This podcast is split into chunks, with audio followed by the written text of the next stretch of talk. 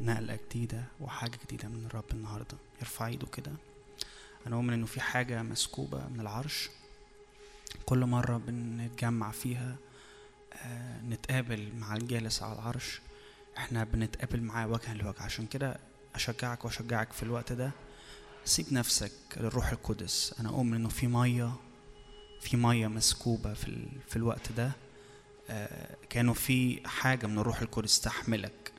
يوحنا يقول كده كنت في الروح في يوم الرب وفي آية تاني يقول كده حملني الروح الروح نفسه خده شاله لحتة تاني حملني الروح. ودي الحتة اللي أنا جوايا النهاردة حتى في في وقت العبادة قبل ما نبتدي نعبد قبل قبل أي حاجة. خلي عندك الإدراك ده إنه حملني الروح. في في قوة مسكوبة من العرش تحملك تشيلك. كم حد يقول أمين؟ تعالوا نقف مع بعض كده في بيت الوقت. ارفع قلبك كده وارفعي قلبك ليسوع هللويا. هللويا. ارتفع في وسطنا. انت ممجد في وسطنا. لك الكرامة لك الملك ولك السجود. نعبدك بالروح وبالحق بنقدم عبادة حية. للجالس على العرش وللحمل. كرامة كرامة كرامة. للحمل المذبوح.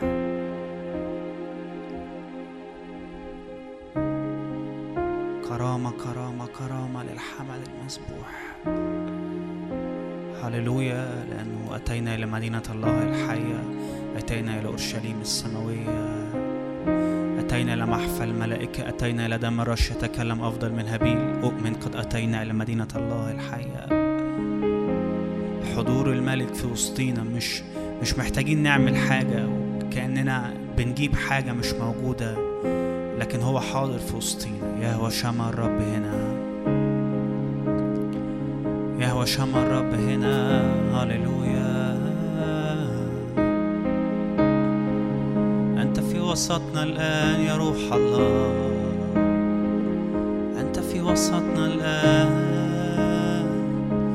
أنت مرتفع وممجد.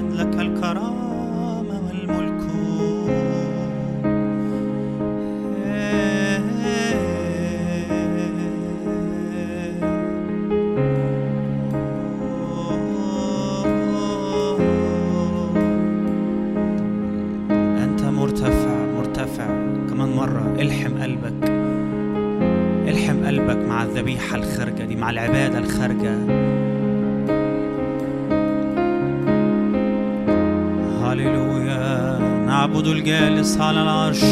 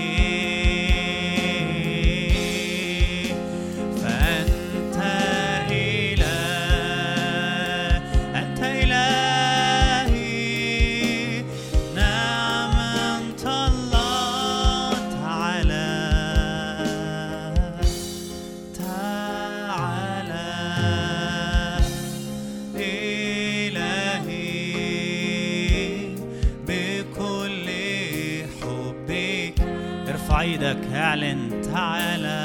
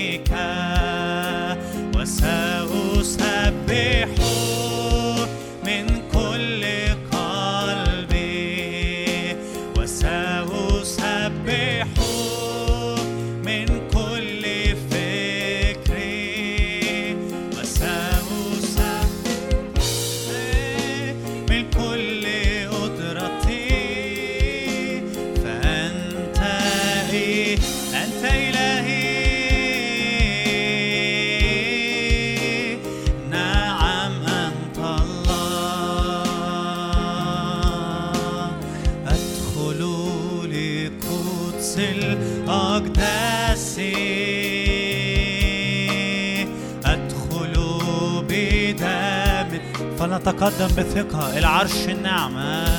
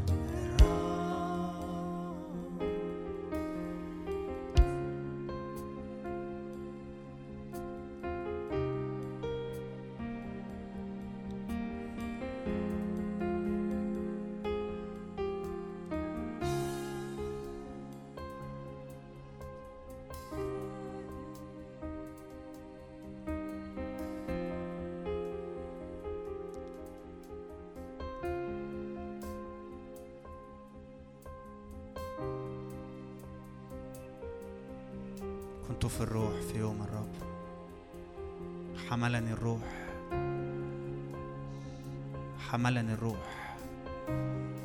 ومن فيكم مسكوبة من العلاء. تحملنا تحملنا تحملنا حيث الجالس على العرش. حيث المدينة الحية أورشليم السماوية. ومن عبادتنا هذه العبادة الخارجة مش على قدينا لكن عبادة خارجة لأقصى الأرض.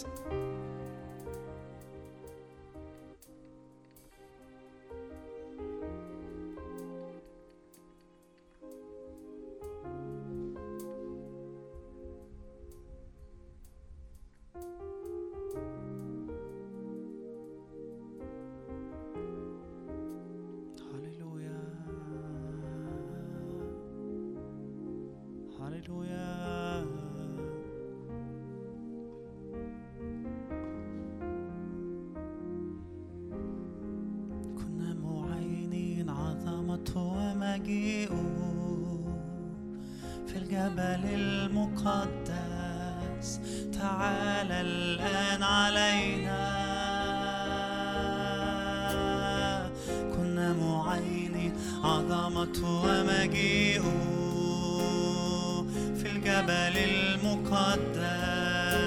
تعال الآن علينا. كنا معينين.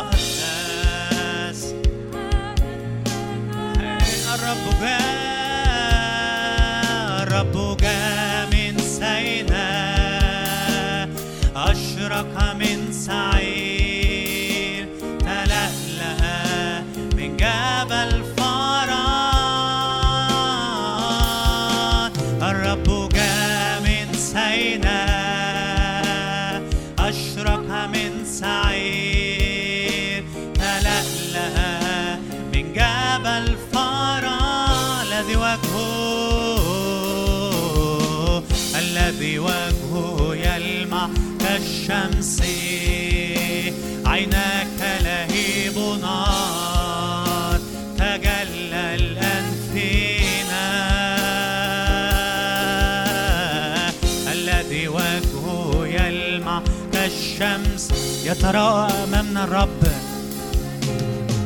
يتراءى أمامنا تجلى الآن في الذي وجهه الذي وجهه يلمع كالشمس. عيناك لهيب نار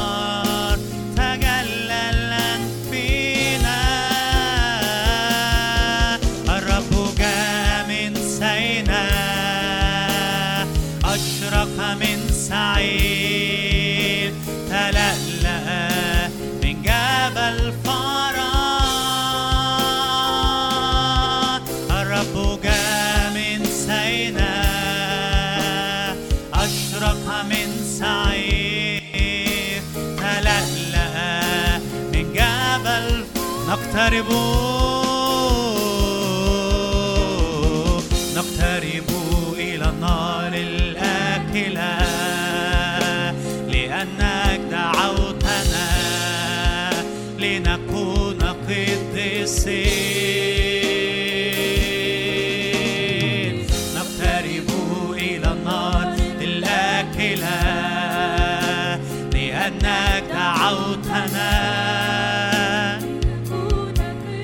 نقترب إلى النار نقترب إلى النار الآكلة لأنك دعوتنا لنكون قديسين أهيا الذي أهيا أهيا الذي أهيا الأزل الأبد أقف أمامك. ارسل أهيا الذي أهيا أهيا الذي أهيا الأزل الأبدي أقف أمامك. هانذا ارسل الرب جاء الرب جاء من سيناء أشرق من سعير. vengaba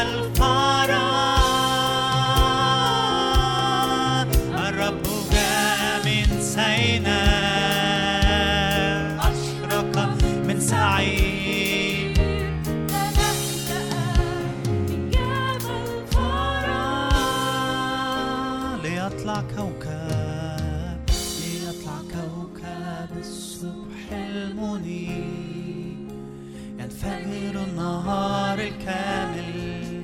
يتصور المسيح فينا ليطلع كوكب ليطلع كوكب الصبح المنير.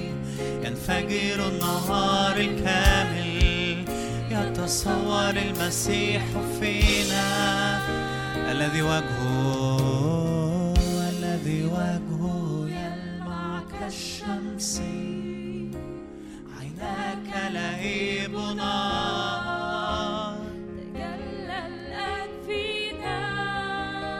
الذي وجهه الذي وجهه يلمع كالشمس. نار تجلى الآن فينا الذي أهيا أهيا الذي أهيا للأبد أقف أمامك. أنا ذا أرسلني عبادة ملوكية أهيا أهيا الذي أهيا الأزل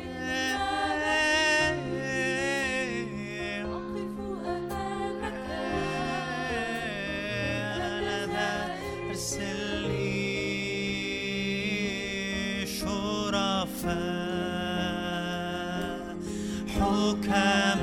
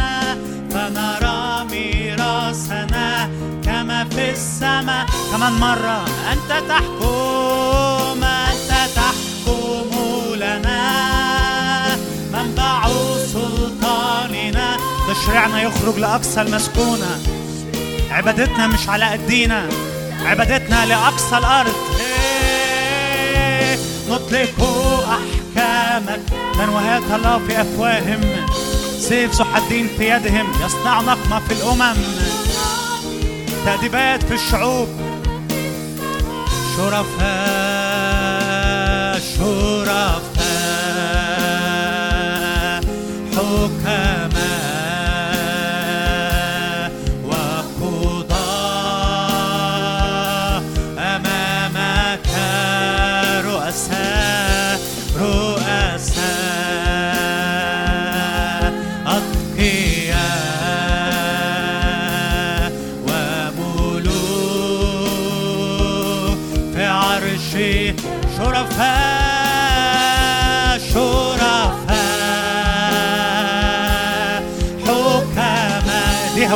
وإحنا بنعبد آه، وموت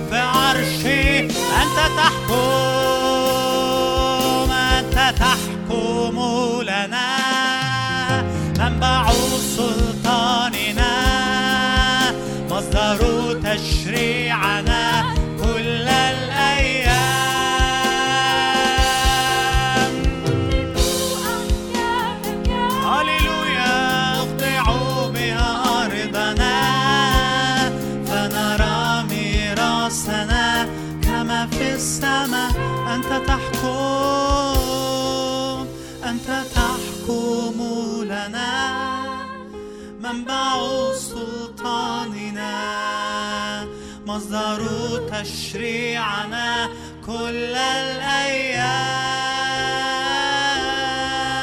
نطلق أحكامك.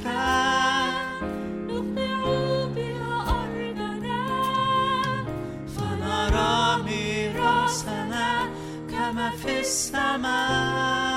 أنت تحكم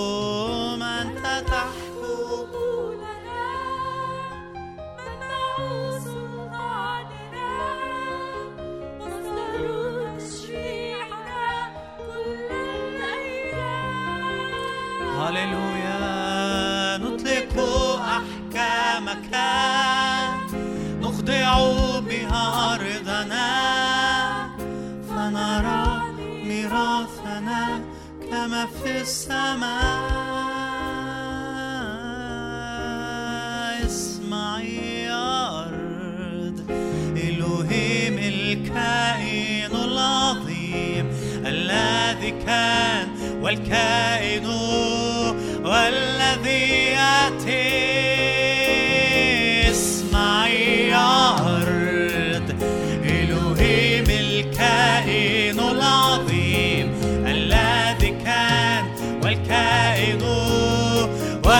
ارفع إيدك إعلن. اسمعي. اسمعي.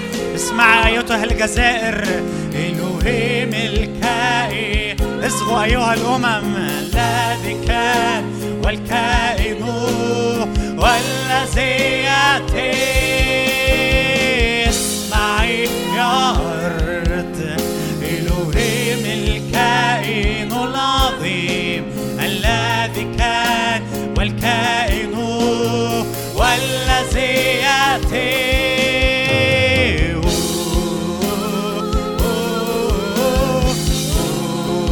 خرج منطقهم الأقصى الأرض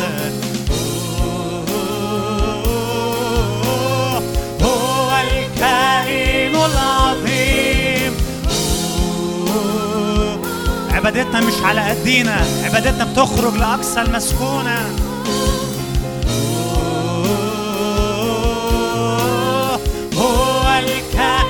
الكائن إلى أقصى الأرض إلى أقصى الأرض يا إلهيم. نعلن اسمك العظيم. إلى أقصى الأرض يا إلهيم. نعلن اسمك العظيم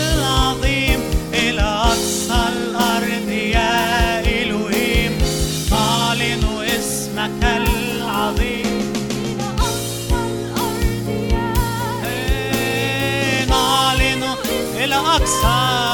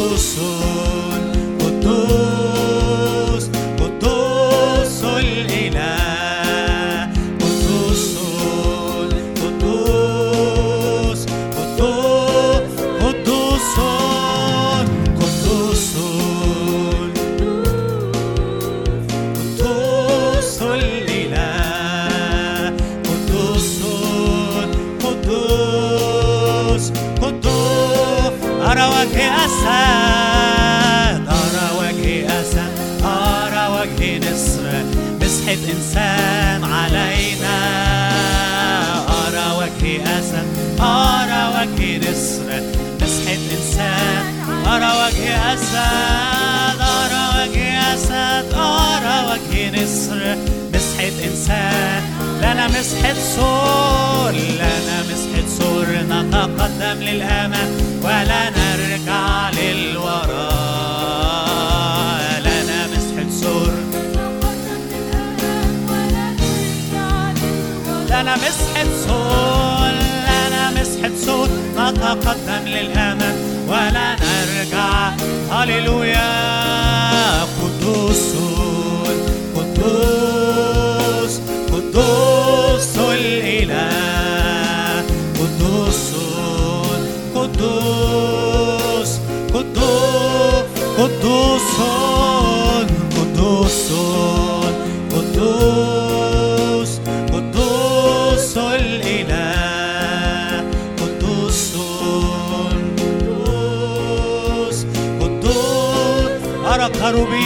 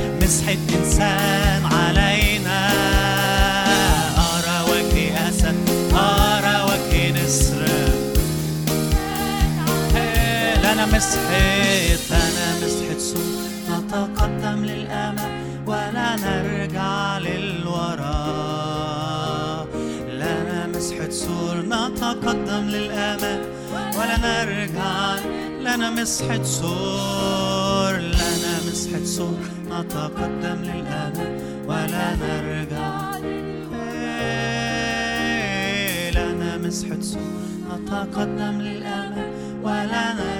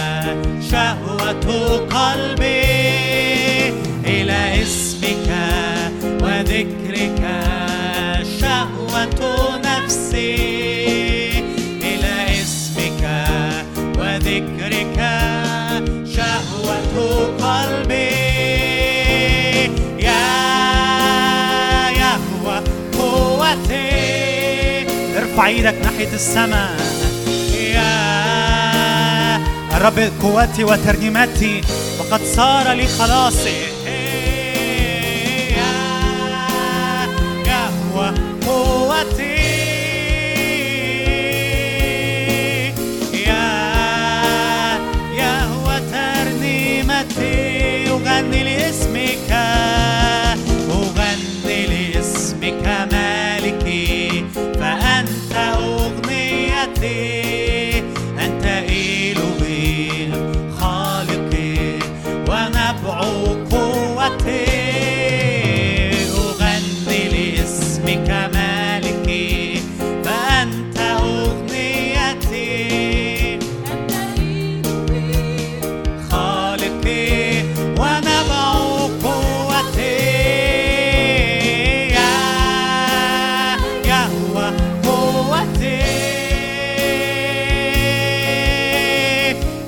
الرب يحملك الرب يحملك الروح نفسه يشفع فينا. يا قوتي يا يهوى ترنيمة ملك الملوك.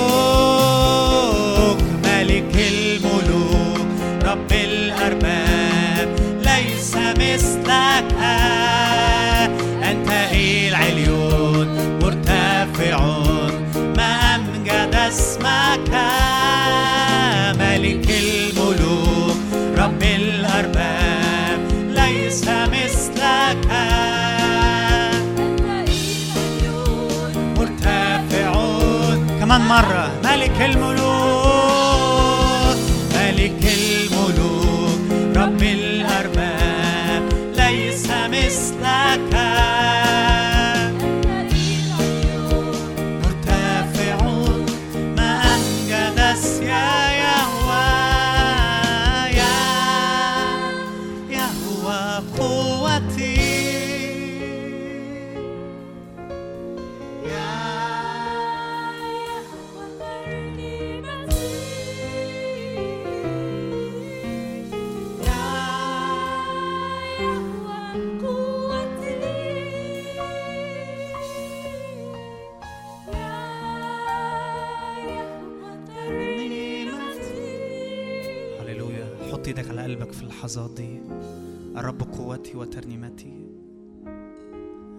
صار لي خلاصي.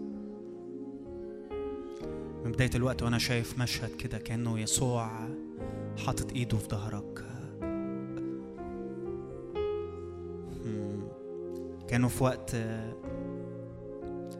تيجي فيه تبقى مش قادر تحارب مش قادر تعمل حاجة مش مش قادر حتى تخترق.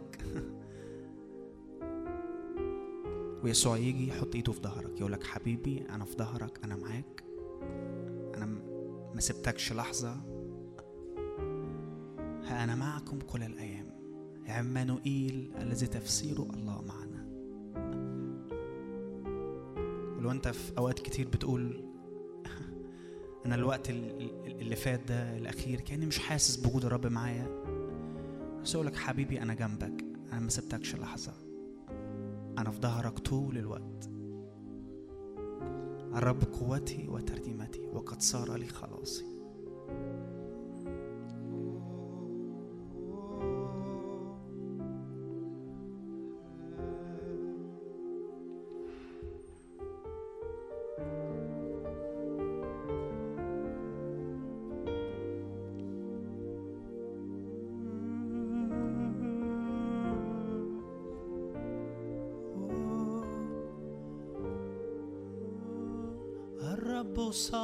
صالي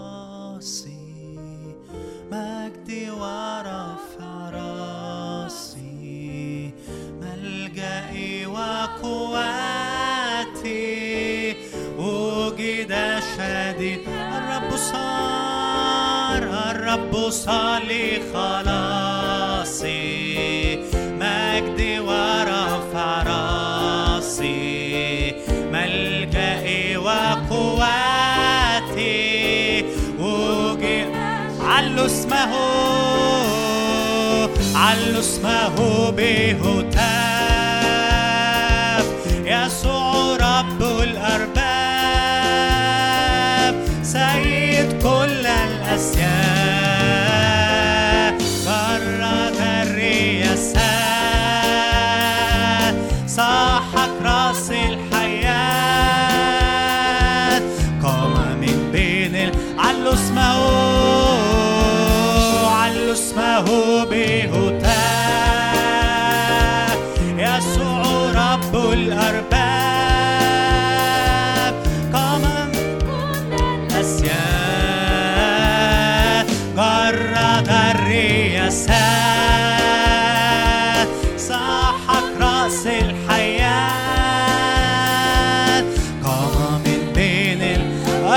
صار الرب صالي خلاصي مجدي ورفع راسي ملجئي وقواتي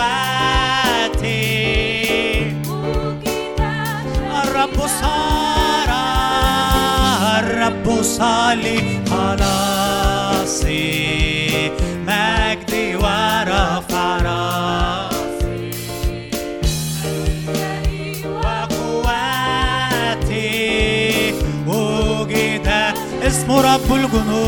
الجنود اسم رب الجنود أمامه جبال تذوب يكسر كل القلوب يشفي كل الأمراض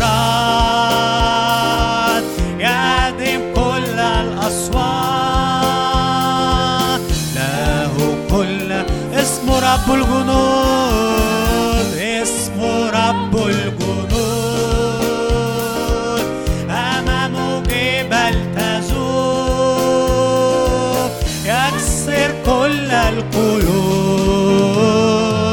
يشفي كل الأمراض يهدم كل الأصوات. له كل الرب صار الرب صالي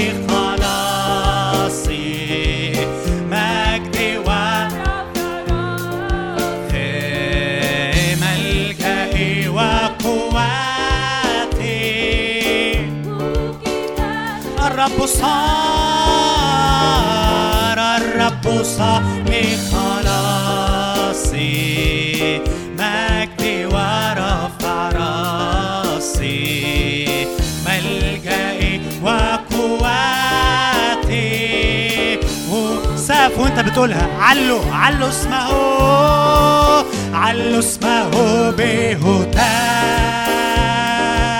يسوع رب الأرباب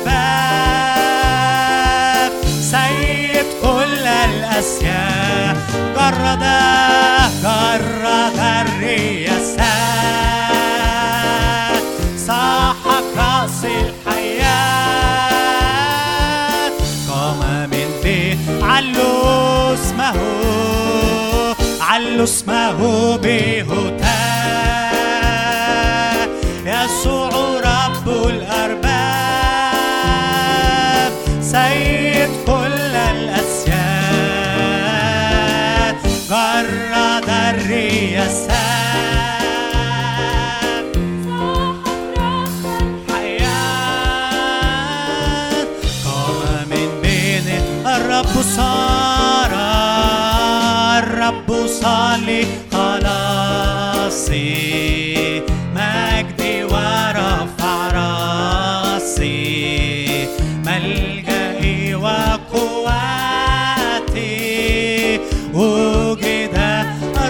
صار الرب صار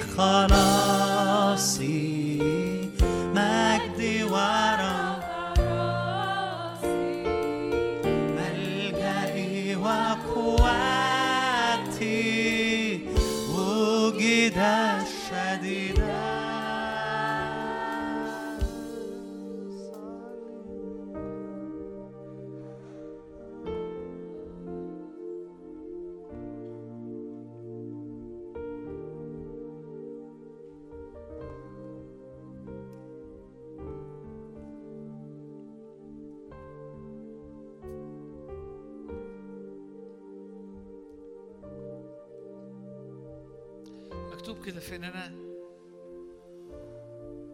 لسنا نكرز بأنفسنا بل من المسيح يسوع ربا. وبأنفسنا خدام عبيد لكم من أجل يسوع.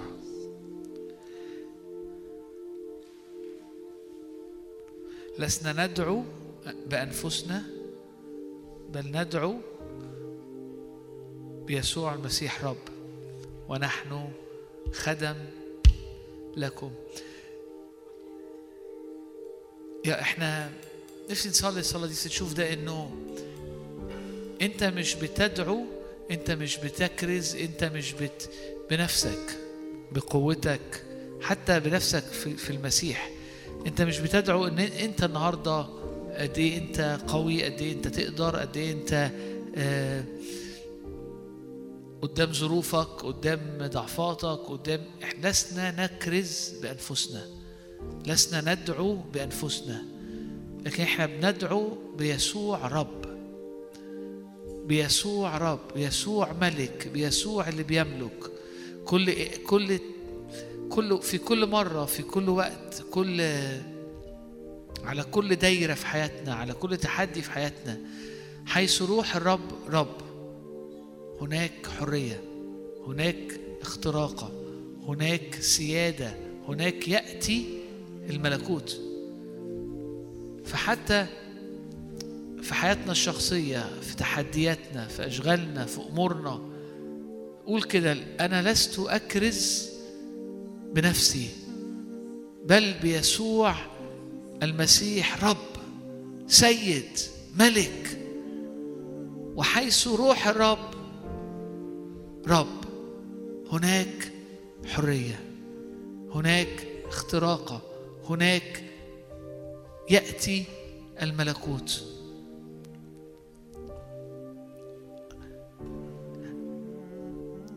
قدام كل تحدي قدام كل آه، آه، قدام كل عناد قدام كل سقطات قدام كل ضعفات في حياتك قول كده أنا لست أكرز بنفسي. أنا لست أدعو بنفسي. أنا لست آه، بقف قدام الأمور دي بنفسي. لكن يسوع المسيح رب. لما يسوع بيملك لما يسوع بيسود هناك حرية. وأنا خادم لمقاصده. وأنا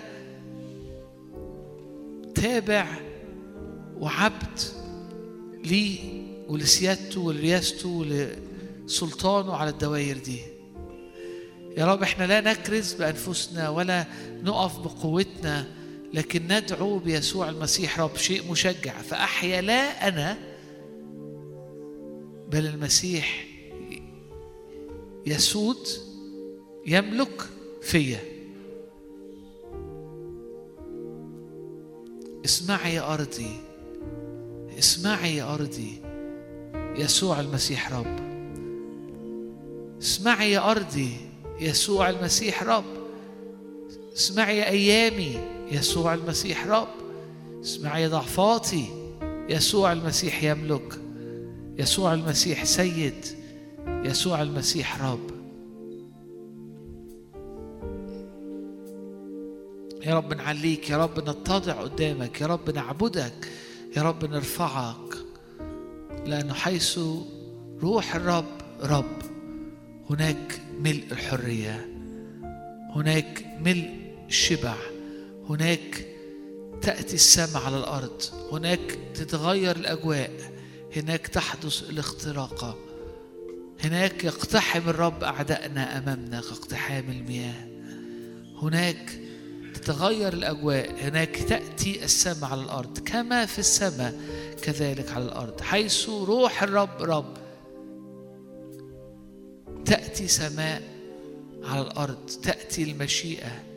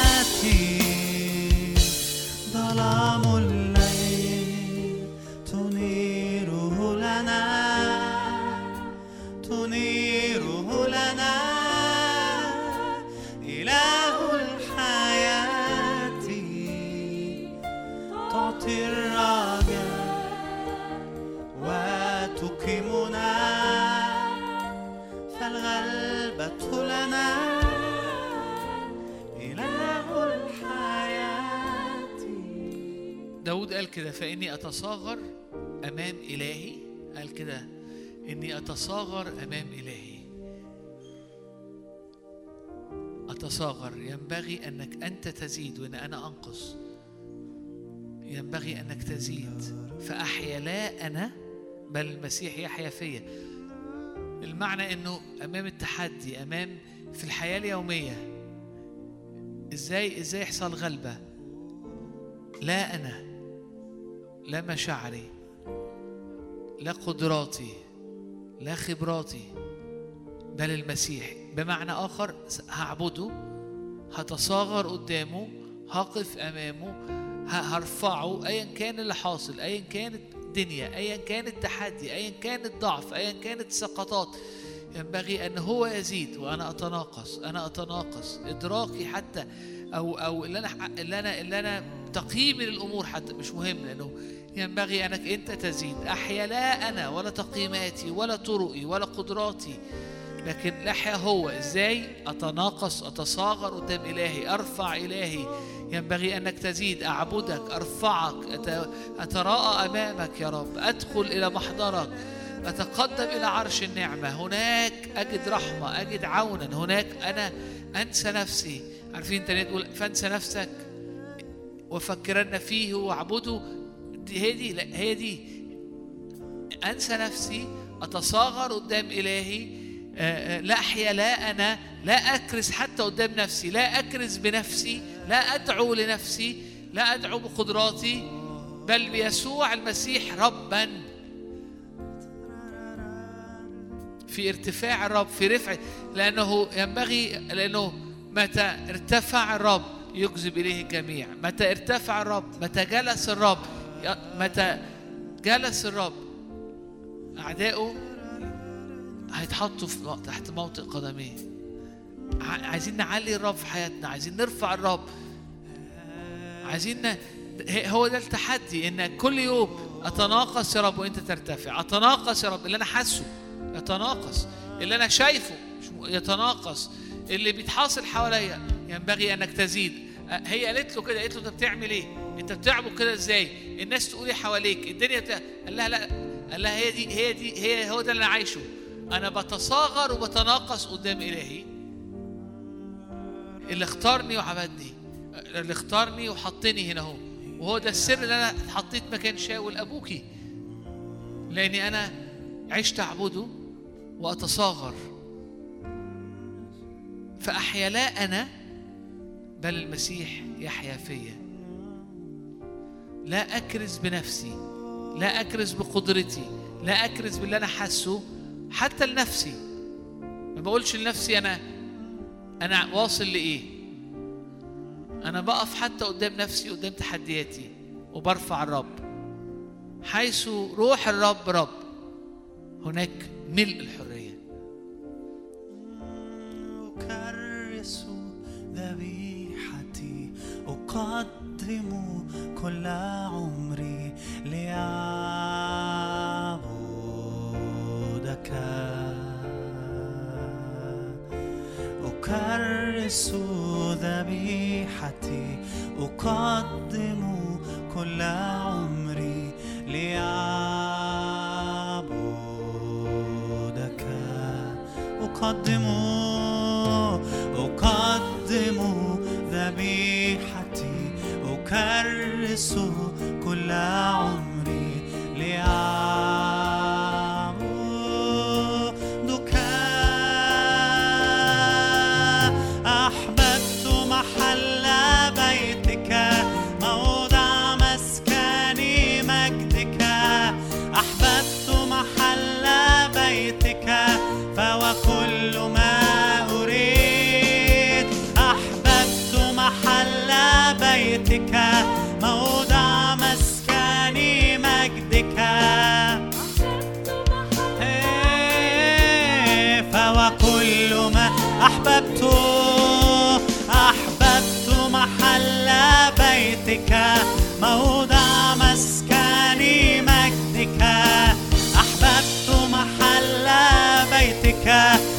ارفع إيدك. أحببت أحببت محل بيتك. موضع مسكن مجدك. أحببت محل بيتك. فهو كل ما طوبى للذي طوبى للذي تختاره وتقربه ليسكن ديارك. رب طوبى للذي تختاره وتقربه ليسكن ديارك. يا رب طوبى للذي طوبى للذي تختاره وتقربه ليسكن ديارك.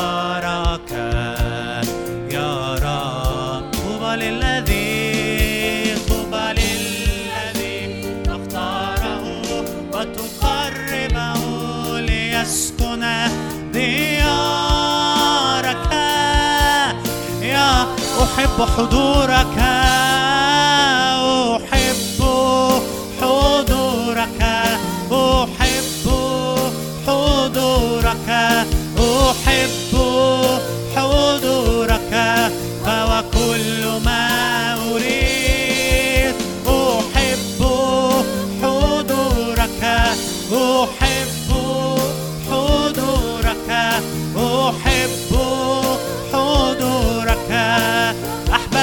محلا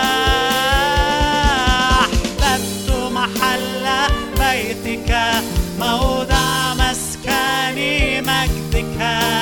أحببت محل بيتك فهو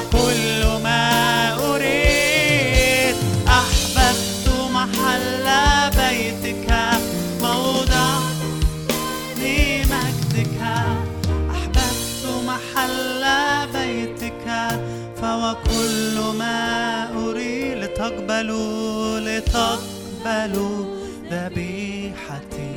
أكرس كل عمري لأعبدك. لتقبلوا لتقبلوا ذبيحتي. أكرس كل عمري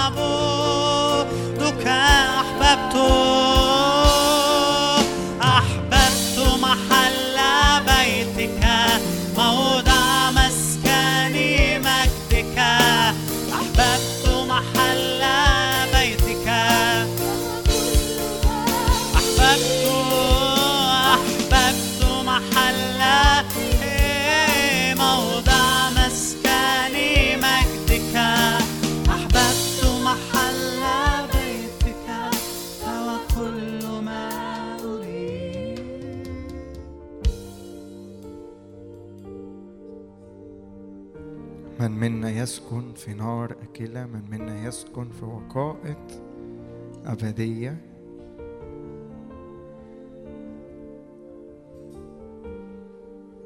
ارفع إيدك وأعلن في اسم الرب يسوع نسكن نسكن في نار أكلة نسكن في وقائد أبدية.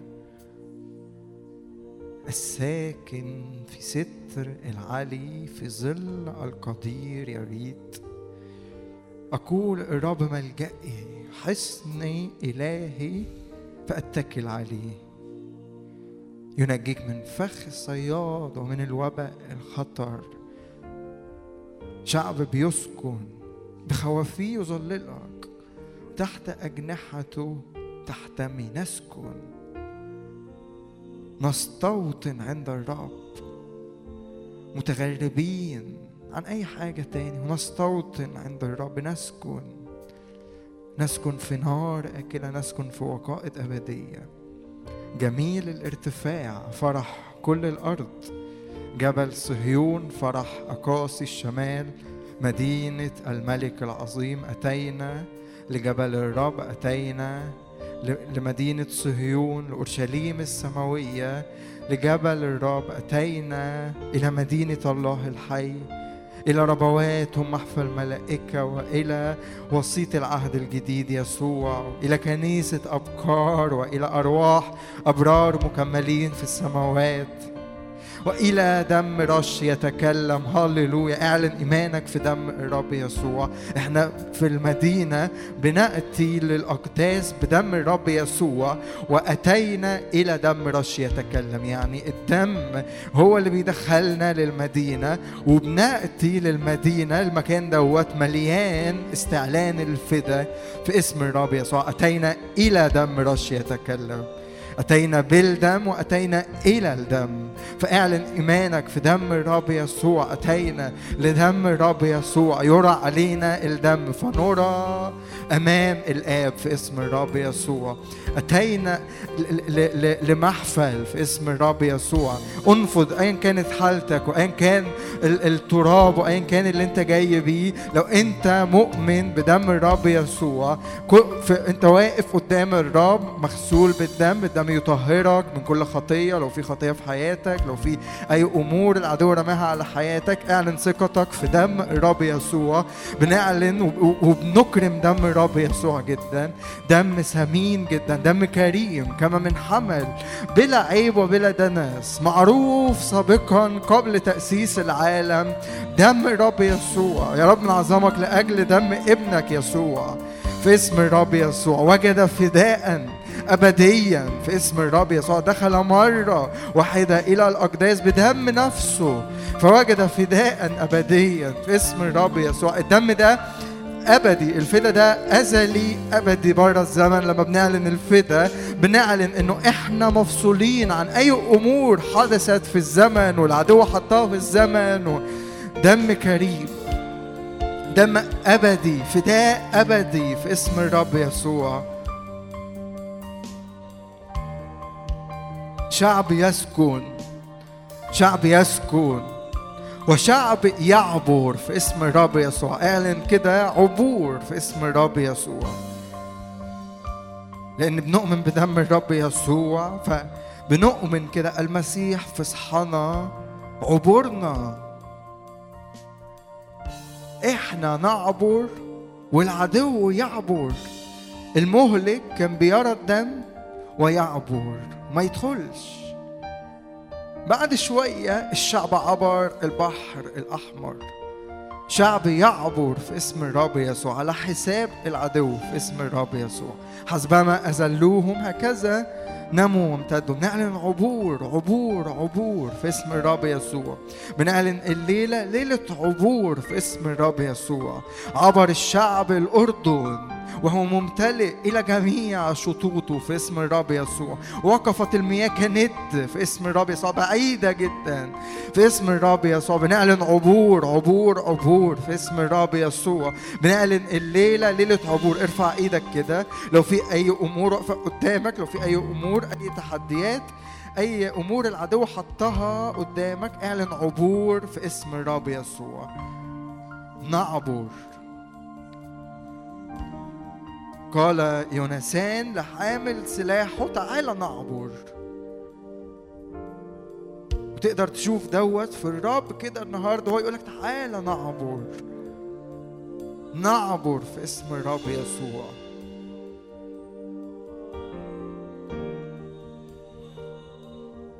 وأيا كانت التحديات اللي أنت شايفها يعني هم كانوا رايحين والفلسطينيين واقفين بس يقول لك ليس عند الرب مانع أن يخلص بالقليل أو بالكثير وعبروا إلى حفظة الفلسطينيين وصنع الرب انتصار وصنع الرب خلاص.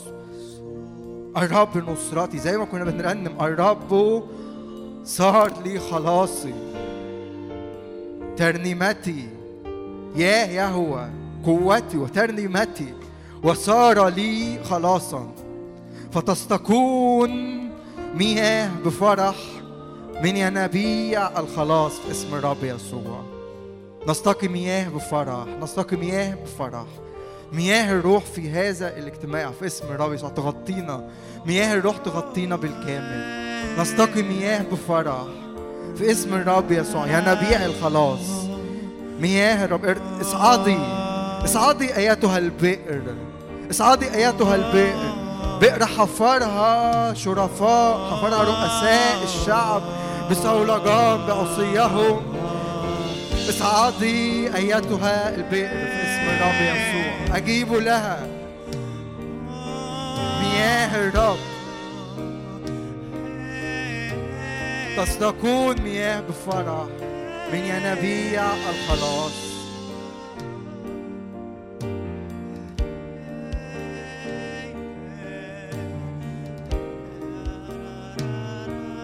وقال داود اقتحم الرب أعدائي أمامي كاقتحام المياه. دعا اسم المكان بعل فراسيم في اسم الرب يسوع. اقتحم الرب أعدائي أمامي كاقتحام المياه.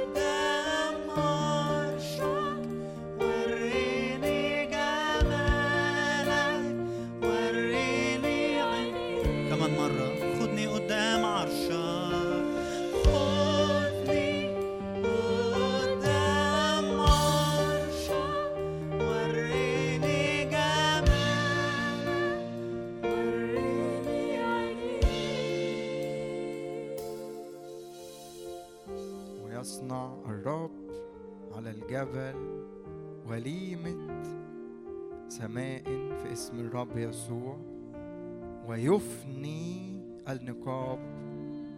يفني النقاب. ارفع إيدك قال إن الرب يفني النقاب المغطى به الأمم في اسم الرب يسوع. نعلن وليمة ترتب رتب قدامي مائدة في اسم الرب يسوع.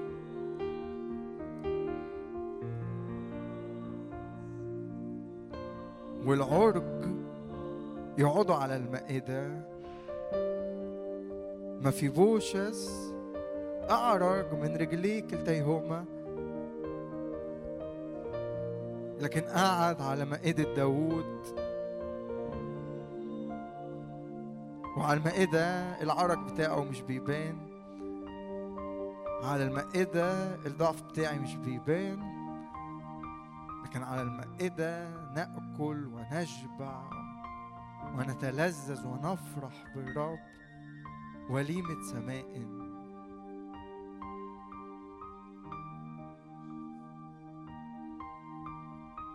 هللويا.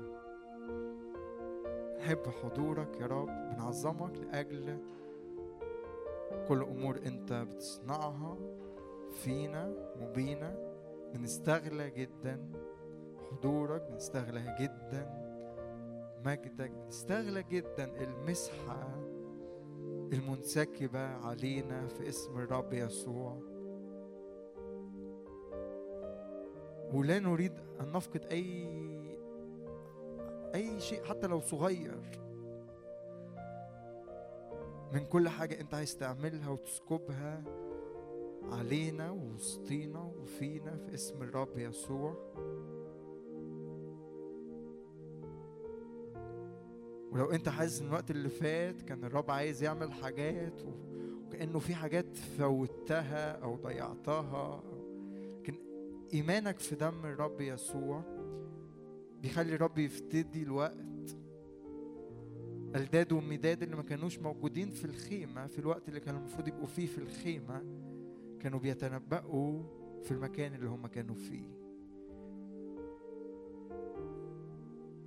وفي الوقت جه وقت الشعب عمل الفصح في الميعاد بتاعه بس كان في قوم متنجسون لميت. فالرب قال يعملوا الفصح الشهر اللي جاي الفدا فتح فرصة تاني فأشكر الرب لأنه بسبب فدا الرب بسبب دم الرب يسوع لو في أمور أنا ضيعتها سواء أنا السبب سواء كنت مدرك أو مش مدرك أو أيا كان الرب يفدي. يفدي الرب. عنده فدي كثير. نشكرك يا رب لأجل النعمة الغنية. تصدق كلمات خاصة يا رب لينا الليلة في اسم الرب يسوع لكل حد. كل حد هيسمع الاجتماع بعد كده. مقابلات خاصة في اسم الرب يسوع ليك كل المجد. آمين. مساء الخير. هو الصوت كان في الأول حلو بس دلوقتي أنا مش سامع فممكن لو نعليه هنا شوية.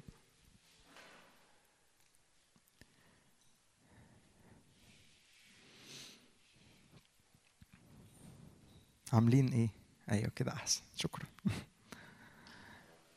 آه، كم حد متشجع كده؟ بننهي سنة وبندخل سنة جديدة بندخل موسم جديد. وافرح باللي الرب بيعمله واستغلى اللي الرب بيعمله وامشي ورا الروح في كل في كل خطوة الرب عايز ياخدك ليها. وأنا بشوف كده كل ما ال- الأزمنة بتقرب والسنين بتعدي لازم كده تشوف نفسك إنه أنا بقرب أكتر وأكتر للصورة اللي في قلب الرب. لاستعلان ملكوت الرب في حياتي في, في أرضي في, في أي حاجة. أنا أنا بقرب أكتر وأكتر للصورة وبتغير. كل يوم وأنا ماشي مع الرب. فتشوف نفسك النهارده غير لما تشوف نفسك مثلا من خمس سنين من عشر سنين. أمين؟ فبالمناسبة ديت أشجعكم في تنبيهات كده في الأول. آه، يوم 15 12 ده يوم الجمعة اللي بعد اللي جاية تقريبا صح كده؟ آه يوم الجمعة اللي بعد الجاية في الاحتفال آه، في القاهرة. آه، وفي هنا أتوبيسات طالعة م- من الصبح يعني وهترجع بالليل. فلو آه، يعني اتشجع كده وبيبقى وقت غالي قوي احتفال الخدمة في القاهرة. يعني تفاصيل الأتوبيس والحاجات ديت مع هناء ممكن تبقى تبعتها على الجروب وتابع و... واحضر كده وبيبقى يوم خاص جدا.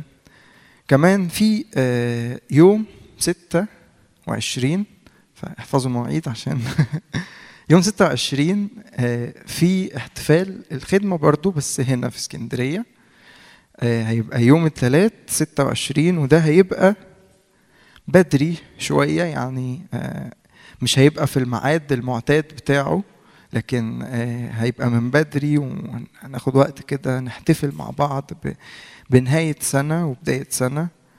فاتشجعوا برضو انزلوا اليوم دوت وسجلوا عندك كده لو عندك يعني لو يعني فضي نفسك من أي مواعيد من أي حاجة كده ون- ونيجي ننزل نحتفل قدام الرب. يعني غالي قوي إن إحنا نتجمع مع بعض وننزل نحتفل صح؟ عارفين ان في العهد القديم كان الرب بيخلي الشعب يتجمعوا ثلاث مرات في السنة في ثلاث أعياد لازم يجوا كده كلهم يروحوا أورشليم يحتفلوا. كان عيد الفصح. وعيد آه، اللي هو الخمسين عيد الأسابيع وعيد المظال. كانوا ثلاث أعياد أساسيين لازم كده الشعب كله يروح ويقف قدام الرب ويتراءوا قدام الرب ويحتفلوا معا و... فإحنا هنعمل كده يعني. ما تقولش بقى احتفالين كتير أو يومين. لا يعني أو تقول لي مثلا عندنا احتفال في الكنيسة عندنا فالوقت بيبقى زحمة و... عادي اقف يعني انزل الكنيسة وانزل هنا وانزل. آمين؟ ف وتشجعوا كده يعني نهاية سنة وبداية سنة إحنا بنختم سنة. وندخل سنة جديدة فتبقى عايز كده تختم السنة دي بقوة وعايز إنه كل حاجة في قلب الرب ما تكونش آه، بتفوتني أو لأ أكون بتحرك في ملء مقاصد الرب لحياتي وتكون بتستقبل من الرب كلمات يديها لك و... وعلى على مدار الثلاث أسابيع اللي فاضلين دولت استقبل من الرب كلمات و... ولما تروح الاحتفال بتاع آه، راس السنة سواء في القاهرة أو هنا وتستقبل كلمات من الرب اكتب و... و... و... ووقف قدام الرب بالكلمات ديت وكل- كلمات غالية جدا الرب تلاقي بيديها لك كده عشان تدخل بيها موسم جديد مختلف قدام الرب. يعني أنا بحب ترنيمة كده كتبها الأخ ماهر فايز فيها عدد كده يقول إيه علمنا الأيام بآيات ونطقنا عليها ببركات. في ناس تقول لك آه آه يعني ما تتدروشوش بقى و وما ما تقعدوش تقولوا الأيام ديت مش عارف إيه لأ. إحنا ماشيين ورا الرب. ف ودايما الموسم الروح يعني تخلي كده اللي اللي يحدد المواسم بتاعت حياتك والأزمنة بتاعت حياتك هو الموسم الروحي الموسم اللي في قلب الرب. يعني عارفين مثلا أوقات بنحدد أو بنرسم الصورة لل- لل- للحياة بتاعتنا أو للمواسم اللي بنعدي فيها بقى أنا بعدي إيه دلوقتي في الطبيعي؟ فمثلا الموسم دوت أنا بدرس في الكلية الموسم دوت أنا خلصت فأنا بشتغل الموسم دوت مش عارف موسم إيه. فدايما ال- المواسم بتتعلم إيه؟ آه، باللي حاصل بالخط الطبيعي. فاه أنت أمين ماشي في الخط الطبيعي دوت وبتعمل كل دوت بس خلي الموسم بتاعك يتحدد بالموسم اللي في قلب الرب. فالوقت ده الرب بيعمل في حياتي كذا وكذا وكذا والرب يسكب كذا وكذا وكذا. آمين. حد عطشان كده؟ إنه ما يكونش الموسم الطبيعي أو الأيام هي اللي بتحركني يوم بعد يوم بعد يوم. أصل أنا دي المرحلة ديت آه، أنا بشتغل فكل اللي بعمله ان بنزل الشغل من أول يوم برجع بالليل. فده الموسم بتاعي الوقت دوت. لأ. زي ما التانية بتقول علمنا الأيام إيه؟ بآيات. كأنه الموسم دوت أنا آه، آه، آه، الرب بيكلمني في كذا كذا كذا كذا الرب يسكب عليا كذا كذا كذا والرب محركني في إيه الوقت دوت؟ فده اللي يرسم الأيام بتاعتي مش الأيام الطبيعية هي اللي تحدد أو تفرض عليا ال- ال- ال- ال- ال- ال- اللي أنا بتحرك فيه أو الزمن اللي أنا بتحرك فيه. آمين؟ تعالوا كده نطلع سفر التثنية.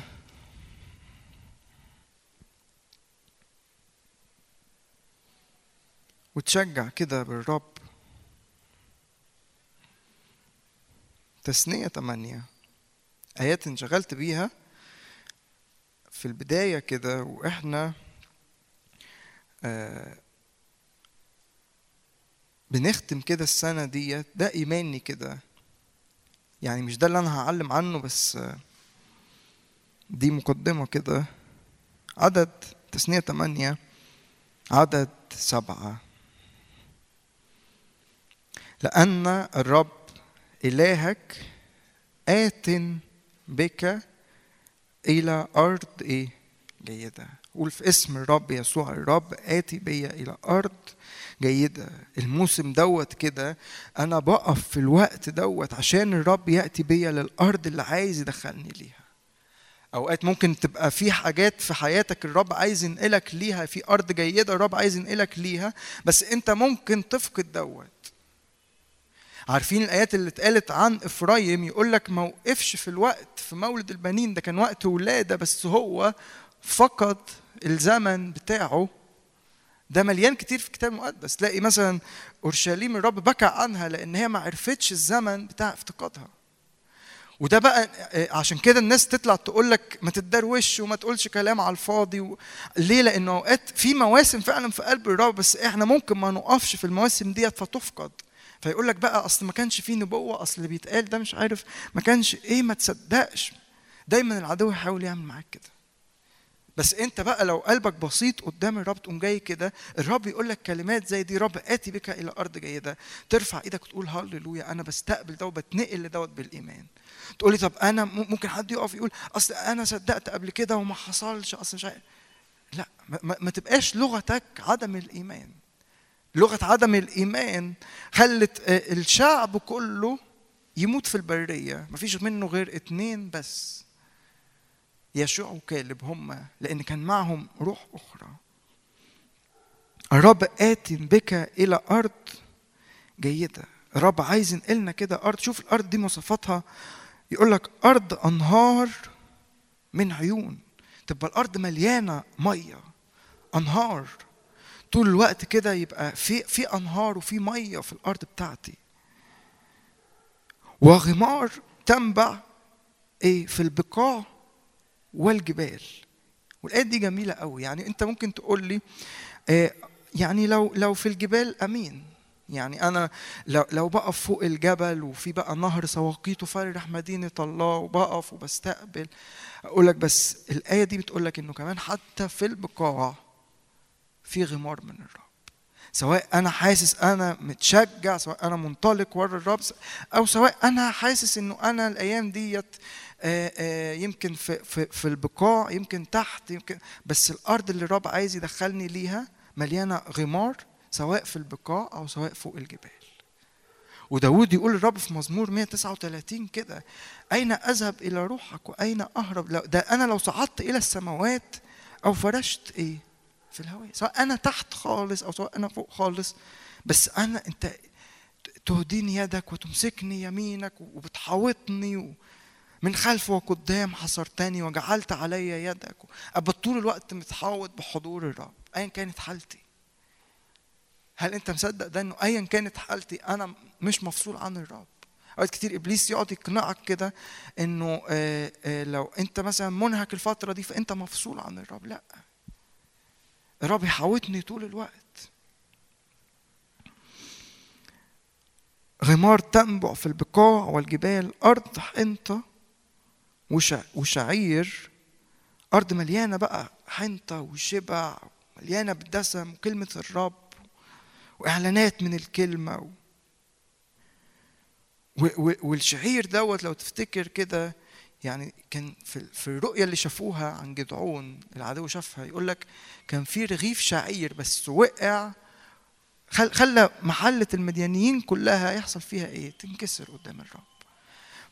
فأرض كده الرب يبقى عايز يدخلني انتصارات بأمور حتى لو أنا شايف نفسي صغير لو أنا شايف نفسي شعير لو وكرم وتين ورمان أرض زيتون زيت مليانة بقى زيت ومليانة بالمسحة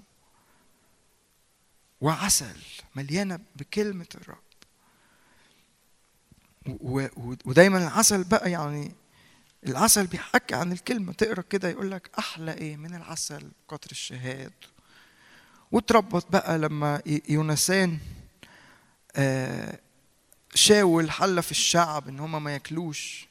ويونسان ما كانش سامع ما كانش موجود ساعتها فيقول لك أكل من العسل اشتار من العسل دوت واستنارت عيناه. ف ف وأنا يعني بالمناسبة وأنا واقف كده ورا كان الرب موريني مشهد بمناسبة ال- العسل دوت إنه كأنه عارفين واقفين كده والخلايا بتاعت ال- النحل ديت موجودة. بس كل مرة بنرفع ايدينا قدام الرب كل مرة بن- بنقدم تسبيحنا وبنعبد سواء بتصلي بالروح أو يعني إحنا هنحكي النهاردة عن الصلاة بالروح شوية. ف كأنه كده ده بيخبط ال- الخلايا ديت فإيه اللي بيطلع منها؟ العسل. عسل نازل كده ونتملي بالعسل في اسم الرب يسوع. يتقال كده عن الشعب وهو خارج أشبعوا عسل من حجر وزيت من صوان الصخر. دي حاجات المفروض برية بس الرب يطلع عسل من الحجر. أمين؟ وآخد آيات برضو الرب كلمني فيها كده جوايا و... اتشجع كده و... و... وصدق إنه طالما الرب يكلمني عن أرض جديدة أرض جيدة إنه في عبور. لما الرب يكلمني عن العبور يبقى عايز يدخلني. في في يشوع ثلاثة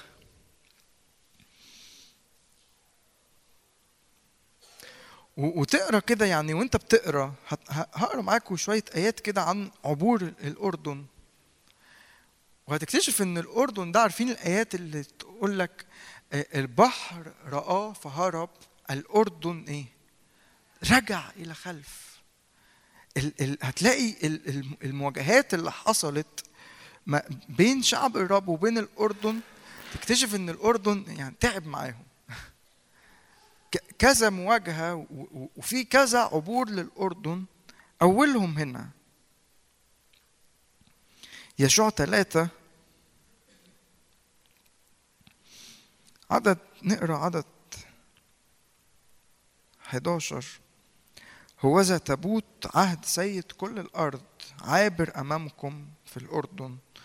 فالآن انتخبوا اثني عشر رجلا من أسباط إسرائيل رجلا واحدا من كل سبط. يكون حينما تستقر بطون الك... بطون أقدام الكهنة حاملي تابوت الرب سيد الأرض كلها في مياه الأردن. المياه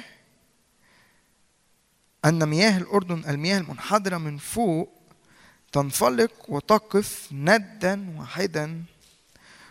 وعدد بقى 15 يقول لك فعند إتيان حاملي التابوت إلى الأردن وانغماس أرجل الكهنة حاملي التابوت في ضفة المياه والأردن ممتلئ إلى جميع شطوطه كل أيام الحصاد. وقفت المياه المنحدرة من فوق وقامت ندا واحدا بعيدا جدا. عن أدام المدينة التي إلى جانب سرطان. و فعلا بعديها يقول لك الشعب فضل واقف لحد الكهنة فضلوا واقفين لحد ما الشعب عدى و... آخد معاك آيات تاني برضو من سفر أخبار الأيام. الأول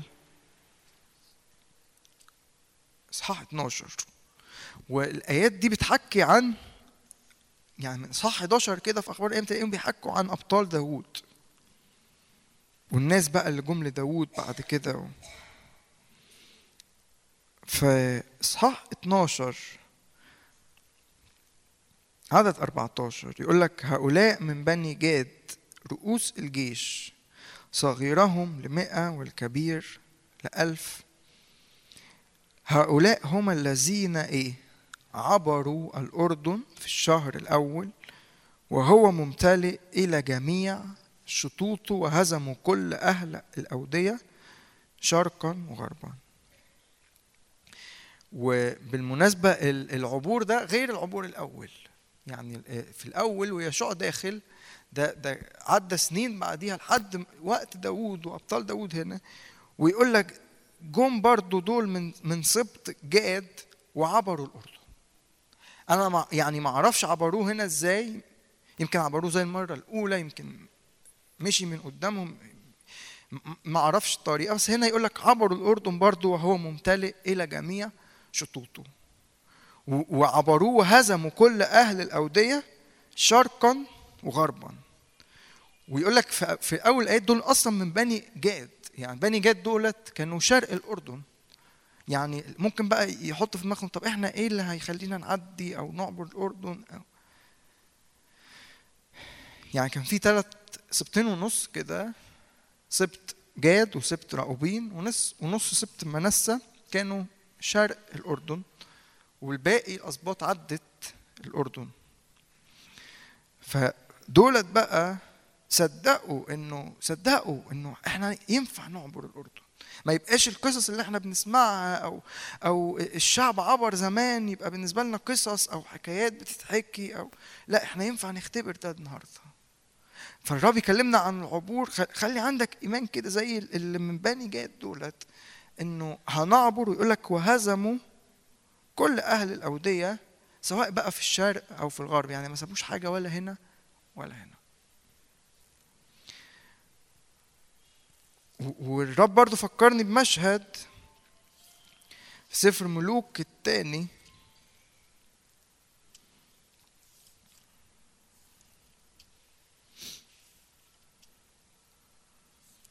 إيه اللي حصل؟ إليشا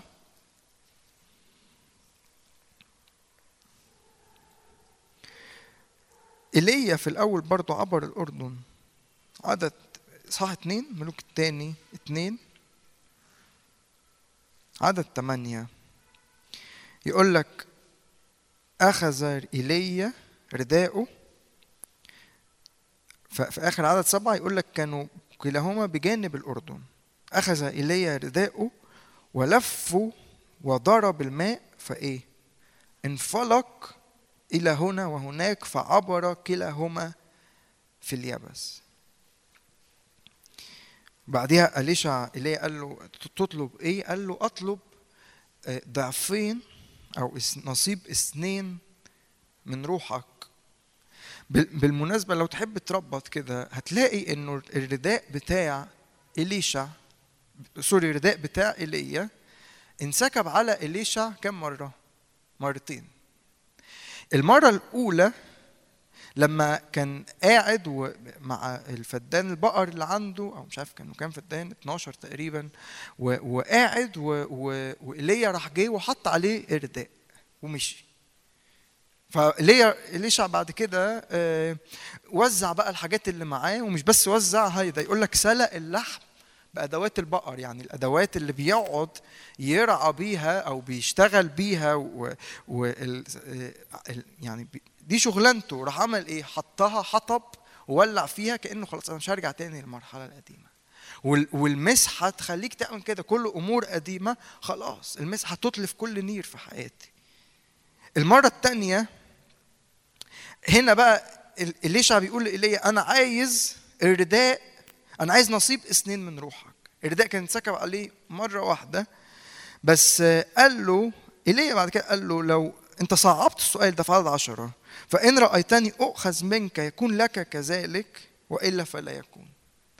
فبعديها فعلا تلاقي لما جت بقى العاصفة والنار وايليا طلع فراح انسكب رمى الرداء للمرة الثانية عشان يعني عشان كده يحب يقول لك إنه آه، كان ده ده نصيب اثنين.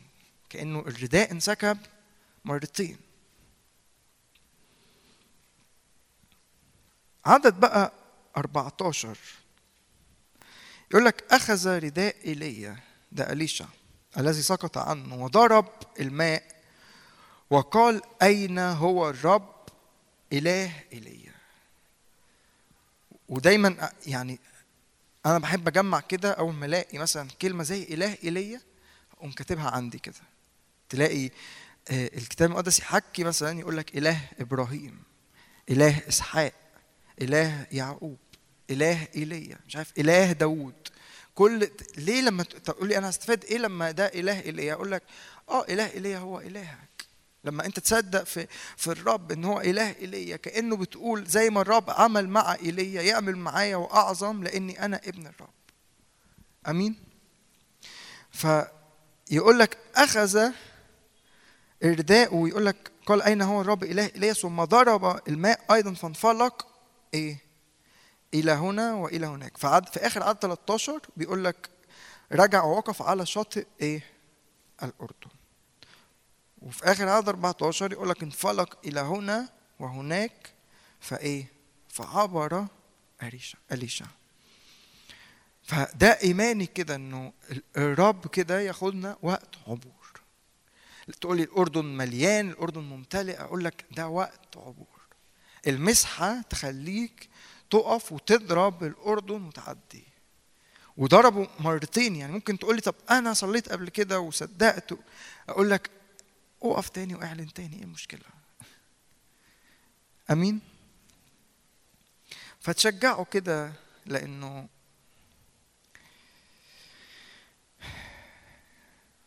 إحنا في وقت جميل قوي والرب تبقى مصدق إن الرب يدخلنا لارض جيدة. والرب هي- هيعبر بيا وهيخليني أعبر أي حاجات أي تحديات قدامي أي حاجات العدو يحطها قدامي. أنا هعبر وهمتلك كل حاجة الرب عايزني أمتلكها. آمين؟ أوكي. إحنا أنا النهارده جوايا آه يعني هحكي شوية عن الصلاة بالروح. و يعني وإحنا بنختم السنة كده عايزين نختم السنة بقوة. فوانت بتختم وإحنا رايحين كده لنهاية السنة قضي أوقات وانت قاعد كده اقعد أوقات مع الكلمة اقعد أوقات سبح الرب وشغل أوقات عبادة وانت في البيت وارفع إيدك واعبد اقعد أوقات كتيرة صلي إيه؟ بالروح صلي بالروح وانت في البيت وانت آه آه وانت رايحة المطبخ تعملي الأكل وانت نازلة نازل السوبر ماركت وانت نازل الشغل وانت في الشارع اقعد صلي بالروح الصلاة بالروح مفتاح مهم جدا جدا جدا. هنكون بنحكي النهارده عن ال- الصلاة بالروح. آه انت ممكن يعني ممكن وانت أصلا بتسمع تقول لي يعني إيه الصلاة بالروح؟ لأنه في ناس آه، فاكرة إنه لما نقول مثلا صلي بالروح أو آه، ده وقت آه، يعني اللي هو صلي في نصلي فيه بالروح وخد وقت بال- الناس فاكرة إيه اللي هو صلي بالروح كده؟ إنه الصلاة بتاعتك تبقى قوية كده أو لا الصلاة بالروح يعني أصلي بألسنة. آمين؟ ف تقول لي جبتها منين؟ نطلع كورنثوس الأولى 14 في إصحاحات كده محددة في الكتاب. اصحاحات كاملة مثلا بتحكي عن الصلاة بالروح. منها منها كورنثوس الأولى 14 هنكون بنرجع له كتير النهارده. فكورنثوس الأولى 14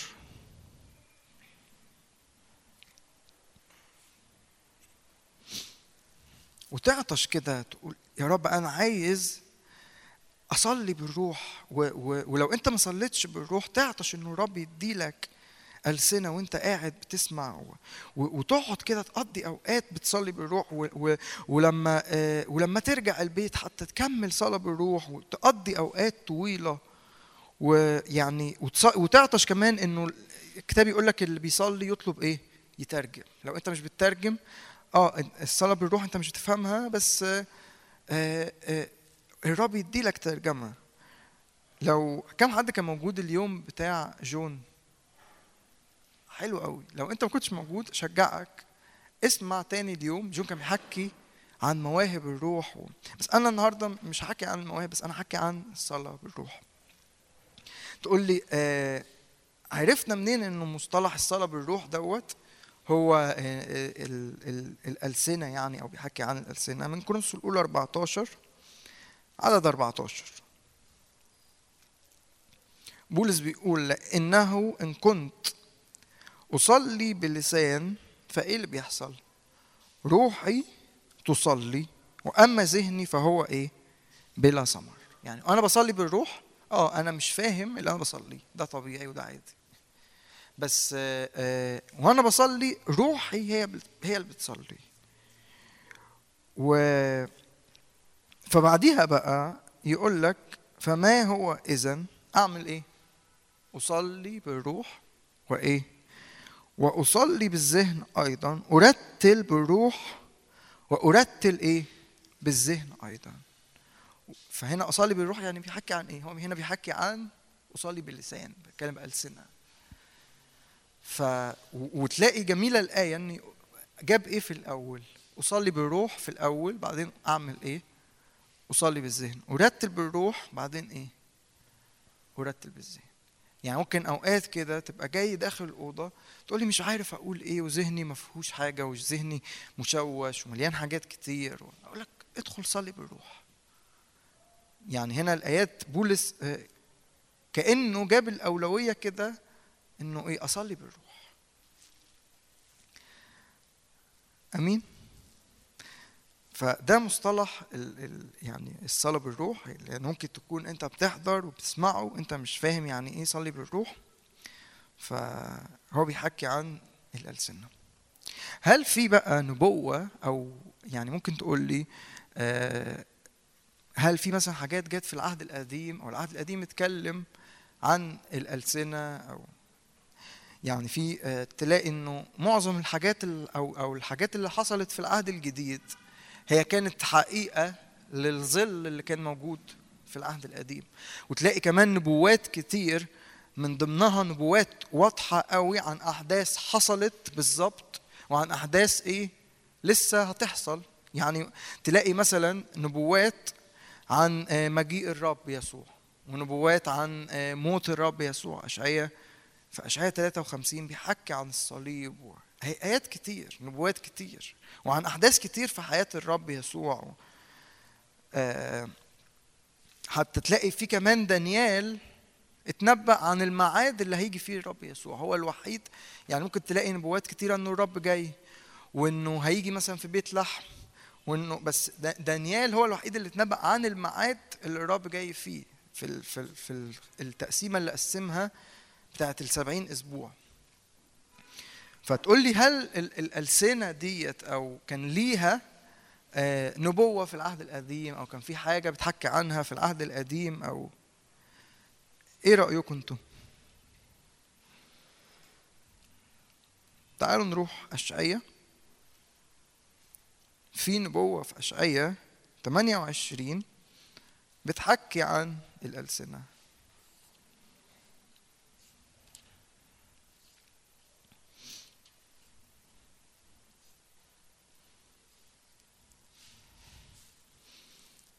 وانت قاعد تسمع كده حسيت انه أنا وانت بتسمعني عايز تصلي بالروح صلي بالروح.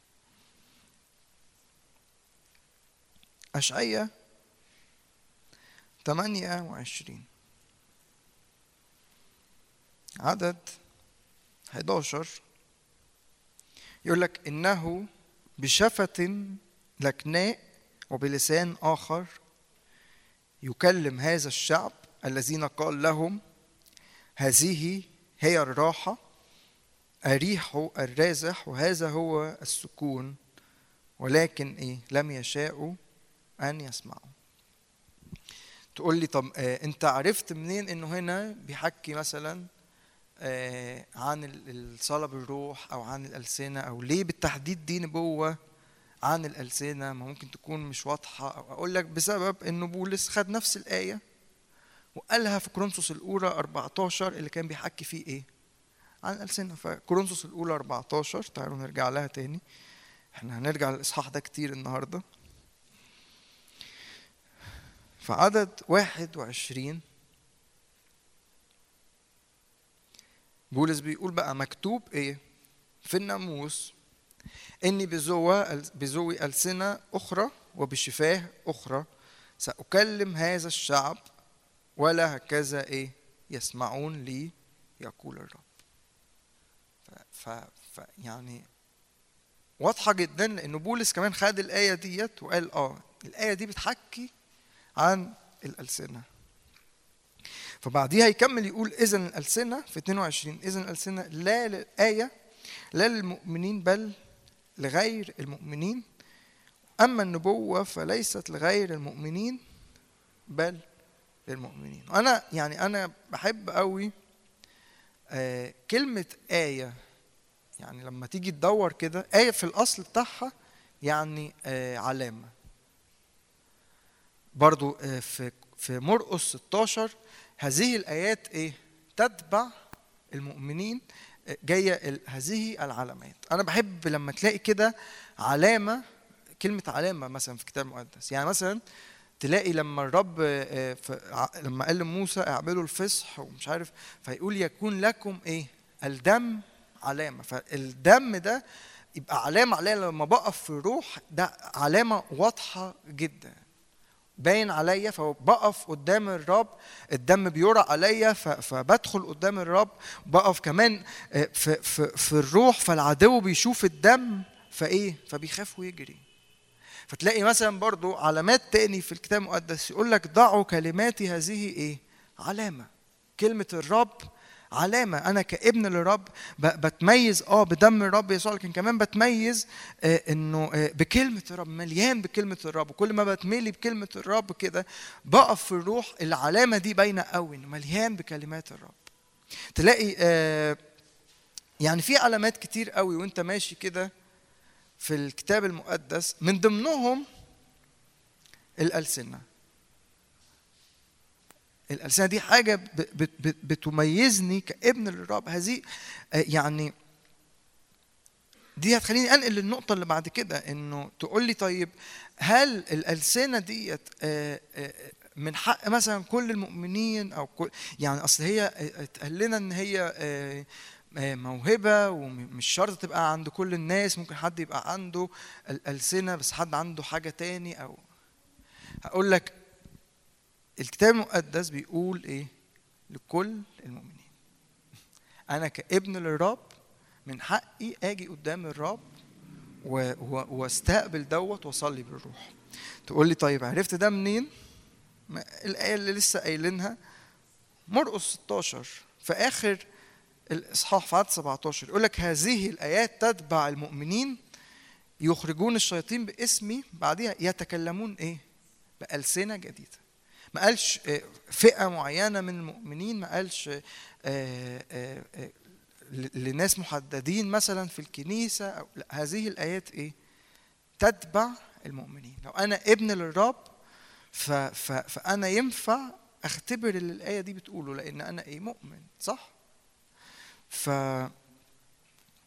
وبالمناسبة الآيات دي اتحاربت كتير قوي في على مدار العصور يعني في وفي ناس يقولوا بقى يعني في في ناس بيشيلوا أصلا الآيات دي يقول لك لأ هي مش موجودة و آه، بسبب إنه في المخطوطات كانت الجزء دوت آه، مقطوع ففي ناس أصلا مش بيؤمنوا إنه الآيات ديت جزء من الكتاب المقدس ف ودايما تلاقي العدو يحارب أي حاجة ليها علاقة.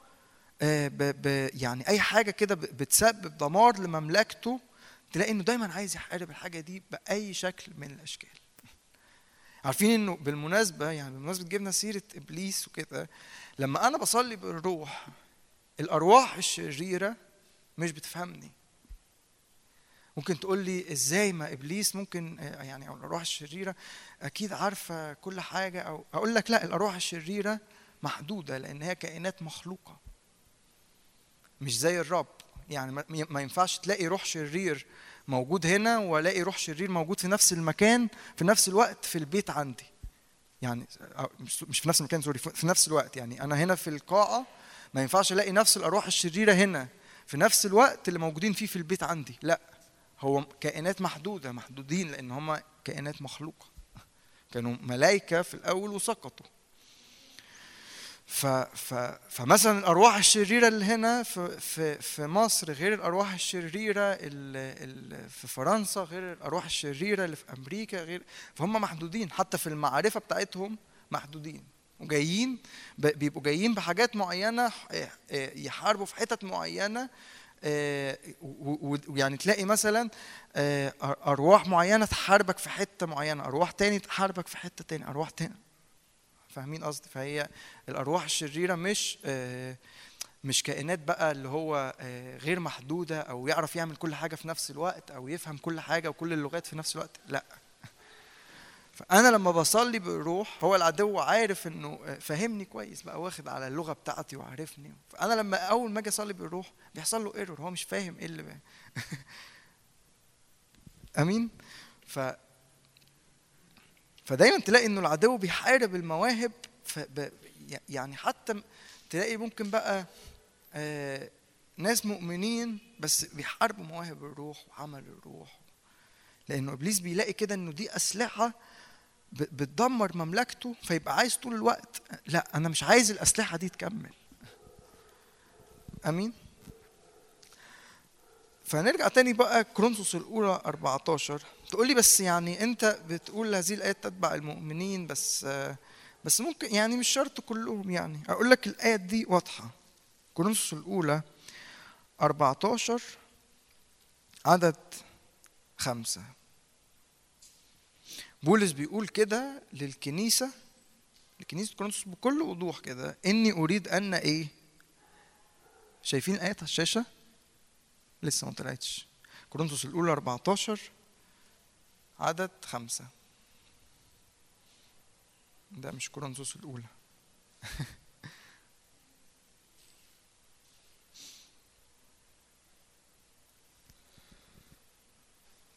لو أنت معاك كتابك المقدس كده إني أريد أن جميعكم تتكلمون إيه؟ بألسنة. فبولس هنا بيقول لهم بكل وضوح أنا عايز إن كلكم إيه؟ تتكلموا بألسنة. وأبقى بصلي بالروح يعني كتير. تلاقي بولس يعني في نفس الإصحاح أيوه الآية ظهرت أهي على الشاشة. شايفين إني أريد أن إيه؟ جميعكم تتكلمون بألسنة. فلو حد قال لك أصل ديت آه، مش لكل الناس. أصل الموهبة والجسد لازم كل واحد يبقى ليه دور معين و... وم... هقول لك آه، أنا عارف الآيات اللي أنت بتحكي عنها دي وهنفتحها كمان شوية. لكن هنا بولس بكل وضوح بيقول إني أريد أن جميعكم تتكلمون بألسنة. وتلاقي في آيات كده بولس كأنه بيغيظهم كده في نفس الإصحاح. يقول لهم أنا بشكر الرب إن أنا بتكلم بألسنة أكثر من جميعكم. يعني وبعديها يقول لك آه أنا ممكن أصلي عشرة آلاف كلمة بالروح بس أنا لو أنا في كنيسة أصلي خمس كلمات تبقى مفهومة. ف ف فكأنه يعني بيقول إنه ينفع يصلي عشرة آلاف كلمة بالروح. في ناس ممكن تاخدها إن هي مجازيا أو بس أنا أنا لما أقرأ الآيات ديت آه، يعني بحس كده إنه آه أنا عايز أبقى زي بولس كده. أصلي بالروح أصلي بالروح. طول ما أنا قاعد كده وأنت قاعد في البيت وأنت في المواصلات وأنت في الشارع وأنت بتشتغل كده تقعد كده تصلي بالروح. في الوقت كده آه، يعني آه، وأنت في بريك أو حاجة تاخد لك وقت كده عشر دقايق تصلي بالروح وترجع تكمل. آمين؟ آه الآيات بقى ال ال اللي بتتفهم إنه الألسنة مش لكل المؤمنين موجودة في كورنثوس الأولى 12 عدد 30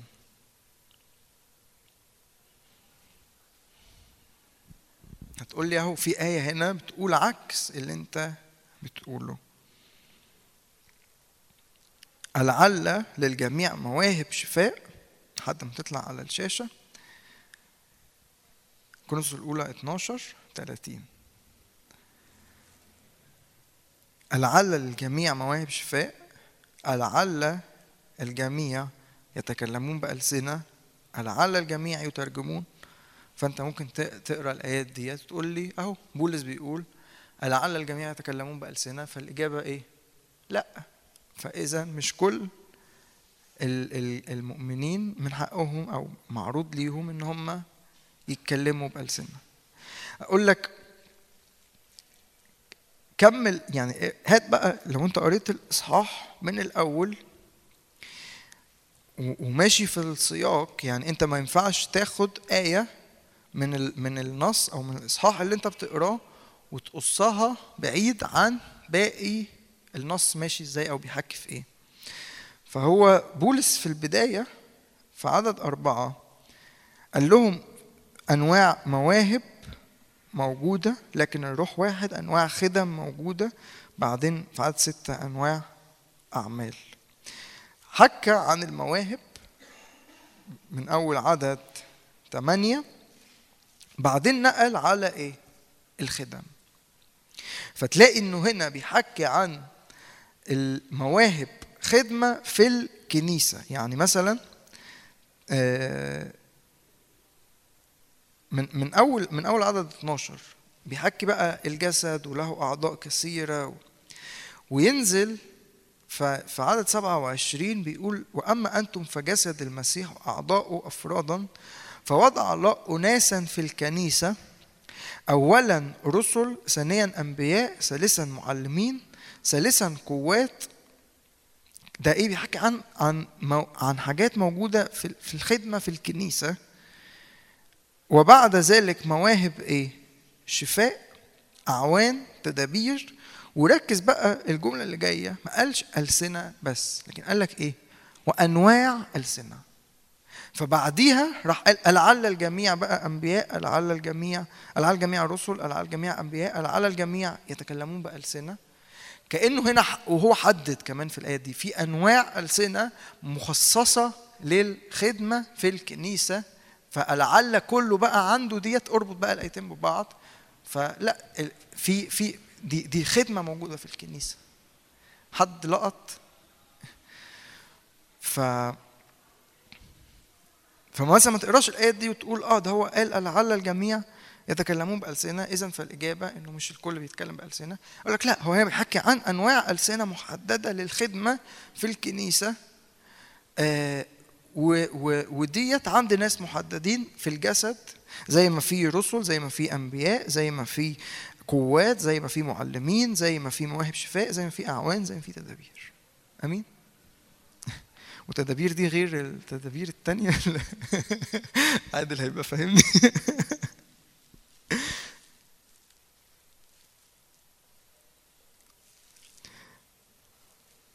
أوكي. ممكن بقى انت برضو يعني آه، يجي جواك سؤال تاني انه ممكن تكون الألسنة ديت انتهت. وبرضو ممكن تجيب آية ما بيقول الألسنة ستنتهي في كورنثوس الأولى 13 عدد 8 المحبة لا تسقط أبدا أما النبوات إيه؟ ستبطل والألسنة إيه؟ فستنتهي. فهتقول لي اهو الكتاب بيقول إنه هيجي وقت والألسنة هتعمل إيه؟ هتنتهي. فهي الألس... في ناس بيقولوا الألسنة فعلا انتهت. فأنت مش محتاج ليها دلوقتي. أقول لك بس أنت برضو لازم تكمل الآيات. بولس في عدد عشرة بقى قال ولكن متى جاء الكامل فحينئذ يبطل ما هو إيه؟ بعض. ففي ناس بتفسر ده إنه الكامل جون حكى فيها ديت آه الكامل دوت آه إن هو ده الكتاب المقدس. فبس أقول لك لو كملت الآيات في عدد 12 بعديها بعددين أقول لك لا هو هنا بيحكي عن مجيء الرب. فبيقول فإننا ننظر الآن إيه؟ في مرآة في لغز لكن حينئذ وجها إيه؟ لوجه. هننظر إمتى وجها لوجه؟ لما الرب يجي. يقول لك في يوحنا الأولى كده يوحنا الأولى 3 2 يقول لك إذا أظهر نكون مثله لإننا سنراه كما هو. إمتى؟ سن سن سن سن يعني سنكون مثله. إذا أظهر سنكون مثله إننا سنراه كما هو. لما الرب يجي مرة تاني فخلاص. في فيقول لك في كورنثوس هنا إنه آه، إحنا دلوقتي بننظر في مرآة في لغز لكن حينئذ وجها لوجه الآن أعرف بعض المعرفة لكن حينئذ سأعرف كما إيه؟ عرفت. لو الآيات دي بتتفسر على الكتاب المقدس ف- فإذا معناها إنه لما الكتاب اكتمل هم بقوا عارفين كل حاجة. لا هم برضو عارفين بعض المعرفة. أو أنا يعني فاهمين قصدي؟ مش مش راكبة مع ال... ف فالألسنة ما انتهتش و- و- وبولس بقى في كورنثوس برضو الأولى 14 اقعد كده اقرأ الإصحاح دوت كده لما تروح. عدد تسعة وثلاثين بيقول لهم إذا أيها الإخوة جدوا للتنبؤ وإيه؟ ولا تمنعوا التكلم بألسنة وخد دي وصية ليك بقى كده كأنه الرب يقول لك لا تمنع التكلم بالسنه في ناس ممكن اتملت بالروح واختبرت دوت واتكلمت بالسنه بس دلوقتي هي ركنت ال- الموهبة دي. فيعني عايز أقول لكم فايتكم كتير. لو أنت من من الأشخاص دي أنت فايتك كتير قوي. اقعد كده وخد وقت كده درب نفسك. إنه آه، من هنا كده لآخر السنة أنا هاخد أوقات كل يوم أصلي بالروح. ممكن كده تبقى لسه صاحي و... ولسه ما ما فقتش كده و... بس تصحى من النوم كده تقعد تصلي بالروح. ف... فتلاقي بقى آه، ممكن بقى تلاقي الرب راح آه، نور جواك آيات راح وريك حاجات معينة تلاقي روحك لقطت على طول اللي حاصل في قلب الرب. آمين؟ حد عطشان؟ عشان كده أنا أنا حسيت ب ب ب ب بأهمية إنه أشارك عن الصلاة بالروح في في الوقت دوت. كانه الرب كده يشجعنا إنه خد وقت كده عشان الرب يأتي بنا إلى أرض جيدة. ده مفتاح مهم قوي تستغلى كده الموهبة أو أو العلامة ديت زي ما كنت بحكي اللي و- وتستغلى كده كل كل أمور الرب عايز يطلقها على حياتك من من خلال أنت تقعد كده بتقعد بقى تعبد وتعبد وتعبد وأنت كأنه أنت مفتوح على الروح بصلي بالروح ف- فعاطي مساحة للروح إن هو يتحرك على حياتي وعلى بيتي وعلى شغلي وكل حاجة كده عمال بصلي بالروح. أمين؟ أوكي. آه يعني هنقل لسؤال تاني آه ممكن يجي برضو في دماغك. آه بس يعني أنا مش طلع الآيات آه لأنه جون برضو حكى فيها. أنا كنت لسه بسمع اليوم بتاع المواهب من قريب ف فجون حكى في آه، في الحتة دي إنه ممكن ناس تسأل كده هل الالسنه كانت للكرازه أو يوم الخمسين آه كانوا بيستخدموها بقى إن هم يكرزوا أو لأ. الألسنة. ففي كورنثوس الأولى 14 برضو بيقول لك من يتكلم باللسان لا يكلم إيه؟ الناس بل الله. يقول لك بعديها لأن ليس أحد يسمع لكنه بالروح بيتكلم بأسرار. و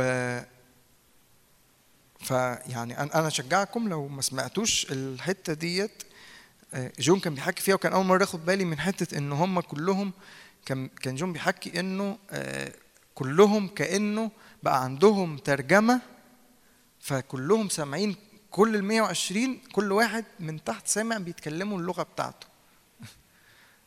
وكان حتى جون بيحكي عن هالة ساعتها إن هي في الترجمة برضو آه، ب- يعني كأنه آه، لأن هالة بت عندها موهبة ترجمه فبتسمع برضو ال- الألسنة وتفهمها كأنها عربي. وتبقى عطشان كده إنه الرب يديلك آه، آه، ترجمة ألسنة ومثلا آه، كلمات خاصة كده تبقى قاعد بتصلي بالروح وتلاقي الترجمة جات ويبقى الرب عايز يعلن لك حاجة في الوقت دوت و... أمين؟ ممكن ممكن تحس كده يعني في أوقات يعني مش شرط مثلا زي هالة يعني هالة ليفل متقدم قوي. بس ممكن آه، تحس إنه الكلمات آه، هي جاية جواك بالعربي افتكرت آيات معينة آه، انطباعات معينة أو أو جات يعني في ناس ممكن تشوف الكلمات أو آمين؟ فاعطش كده. يا رب عايزين آه، نبقى متاحين للروح القدس بالكامل ونبقى تحت المسحة بالكامل نبقى مغلفين كل حاجة كل أجواءنا كده متغلفة بالروح وبالمسحة في اسم الرب يسوع.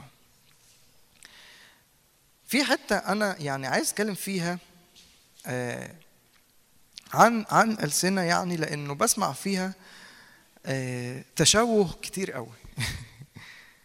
فمثلا آه، في ناس تفتكر إنه لما أنا هاجي هصلي بالروح آه، حاجة كده هتيجي تمسك لساني وهيقعد بقى يكر لوحده وأنا مش هعرف أوقفه أو لأ ده مش الروح القدس. الروح القدس في كورنثوس الأولى برضه 14 بولس بيقول أرواح الأنبياء خاضعة للأنبياء. وده مبدأ روحي اتعلمه كده إنه كل كل حاجة الرب يعني الرب بيعملها هو بيحترم إرادتي جدا. أنا ممكن أوقفها وممكن أسيب نفسي للروح. مفيش حاجة اسمها أنا مش قادر أوقف أو حاجة كده إن هو بيلغي شخصيتي وإرادتي و... لأ. وده يعني ده بقى الفرق يا جماعة بين ال- الرب وبين إبليس. يعني الارواح الشريرة الرب جنتل جدا. مش بيجي يقتحمني أو الأرواح الشريرة تيجي تسكن في واحد تلغي كل حاجة تلغي شخصيته وارادته وتخليه يعمل حاجات هو مش عايزها ومش عايز يعملها و... ويتحرك غصب عنه. الرب عمره ما هيجي يعمل كده. أنا ليه بقول لك ده؟ لأنه أنا كنت بسمع بسمع ده أوقات كتير كده. يقول لك ده أنا جه وراحت جت كلمات علم كده مرة واحدة فرحت لقيت نفسي بتحرك ومش أنا اللي بتحرك وراحت خرجت مني لا مفيش حاجة اسمها كده.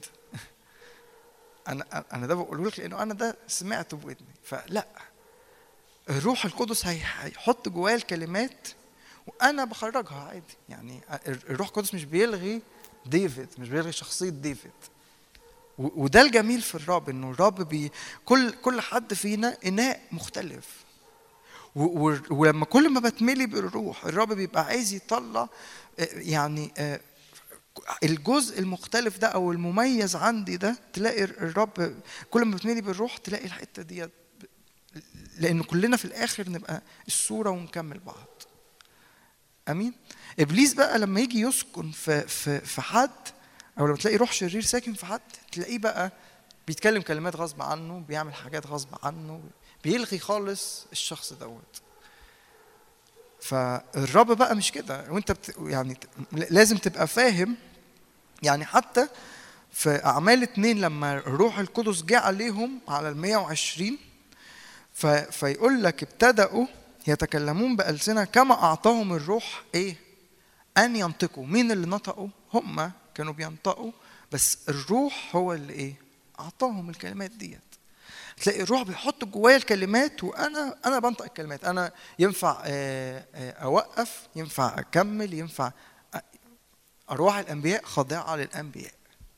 مفيش حاجة اسمها آه، حصل حاجة كده آه، يعني آه، اللي هو فراحت جات كده أنا رحت اتكلمت أنا ما عرفتش أوقف نفسي في اللحظة دي أو لا أنت لو عايز توقف نفسك هتوقف نفسك أمين ف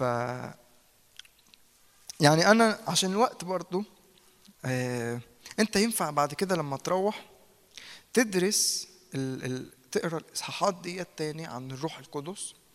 تلاقي آه في العهد القديم في أشعياء 28 زي ما قلت لك وتقرأ بقى مرقس 16 تقرأ توصل لحد أعمال اتنين تلاقي برضو في أعمال عشرة تلاقي كل كل الحوادث اللي حصلت في سفر الأعمال تلاقيهم اتكلموا بالروح القدس واتكلموا بألسنة في نفس الوقت.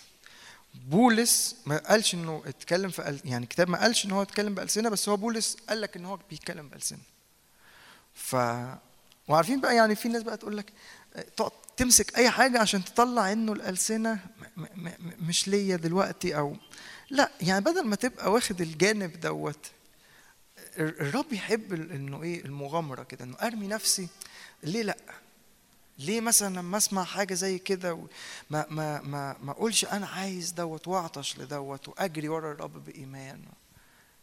آمين. فالناس تحب بقى إنه آه، يعني دايما الناس كده تلاقي ناس تطلع لاهوت يتوافق مع اللي هم فيه دلوقتي عشان يبقوا هم حلوين ومش محتاجين أي حاجة تاني. فتلاقي أي حاجة عكسهم يعني مثلا آه، آه، الشفاء مثلا. فتلاقي الناس مثلا مش حاصل في حياتها شفاء أو أو, صلوا للشفاء وما حصلش فيطلعوا لاهوت عكس دوت إنه يبقى مش شرط الرب بيشفي. فلا الرب الرب يحب إنه آجي صدقت وصليت طب ما حصلش أصلي تاني وأصلي عاشر وأصلي المرة المليون لحد ما يحصل. صح ولا إيه؟ أمين؟ تعالوا نقف كلنا.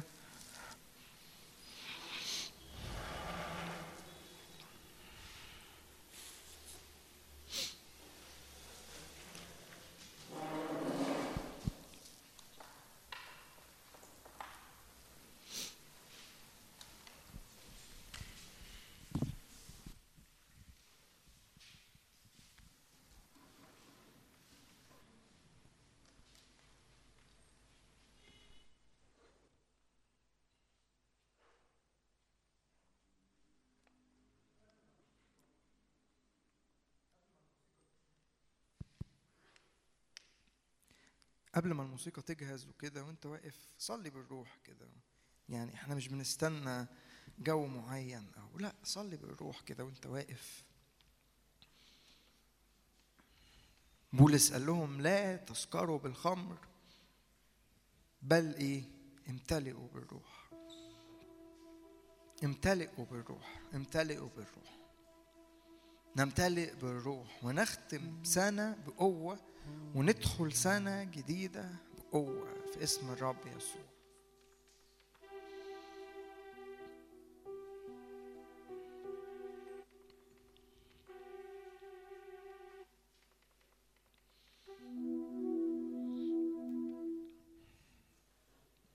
صوت كما من هبوب ريح عاصف ملأ المكان حيث كانوا جالسين وامتلأ الجميع من الروح القدس ظهرت لهم ألسنة منقسمة كأنها من نار. ارفع إيدك كده واستقبل من الرب.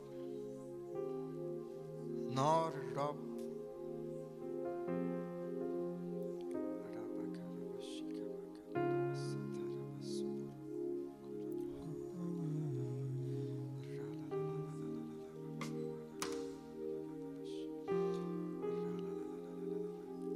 أرض غمار من بقاع وجبال نغمر بمياه الروح وأنت بتصلي بالروح صدق كده وشوف كده غمار أنهار أرض أنهار وأرض غمار من بقاع ومن الجبال في اسم الرب يسوع.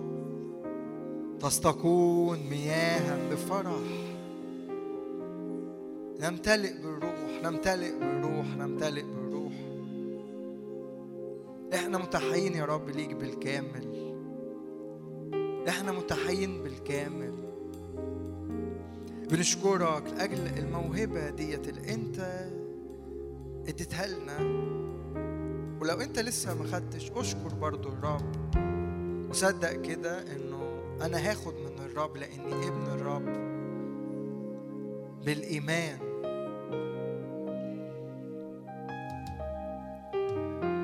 امتلأ الجميع من الروح القدس الجميع في اسم الرب يسوع. الجميع.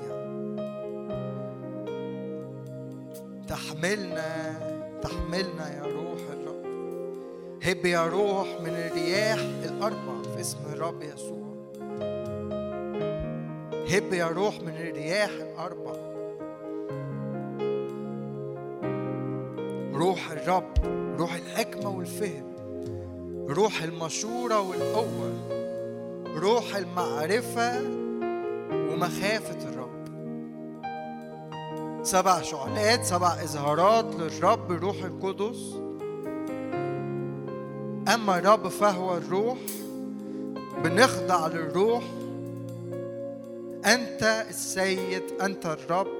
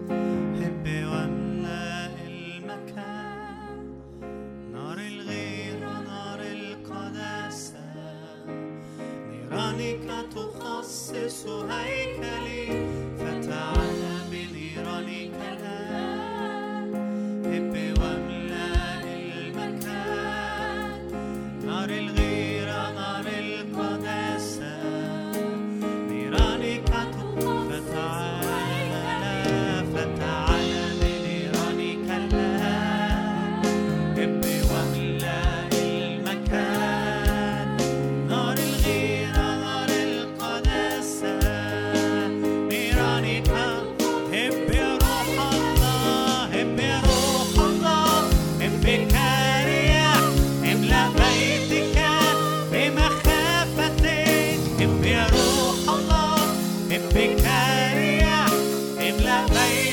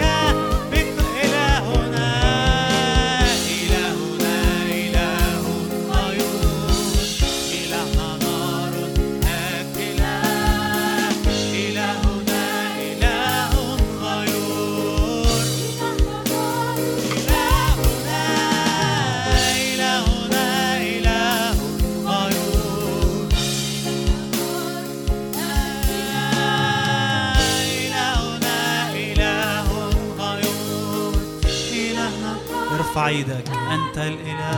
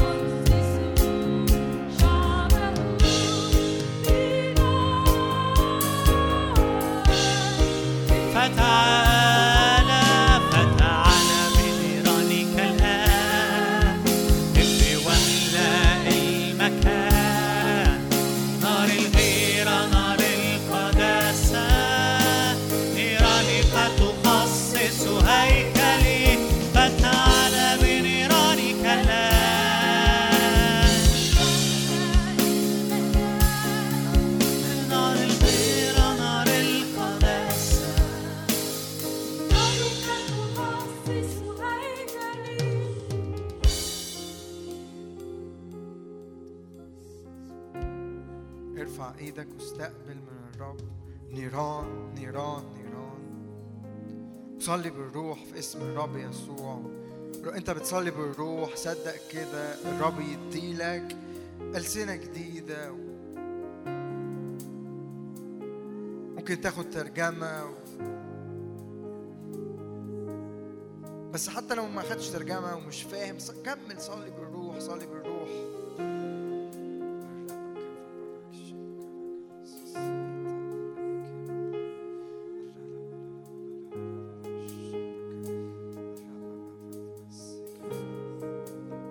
رب آتي بك إلى أرض جيدة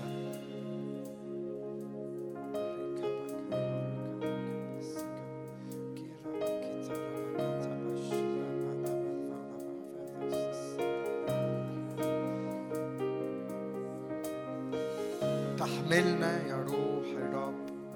تحملنا تحملنا تحملنا. أنا حملتكم على أجنحة النسور. جئت بكم إلي.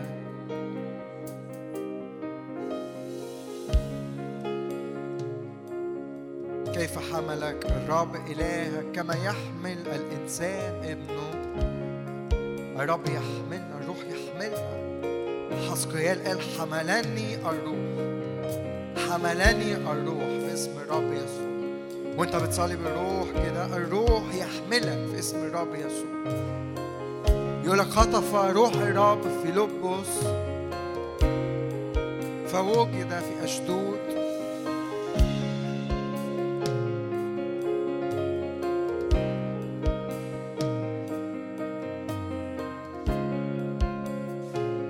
المحمولين علي من الرحم. الرب يقول كده إلى الشيبة وإلى الشيخوخة أحمل وأرفع وأنجي. الرب يحملنا. الرب يح... الروح يحملنا. ذهبت في حرارة روحي في اسم الرب يسوع.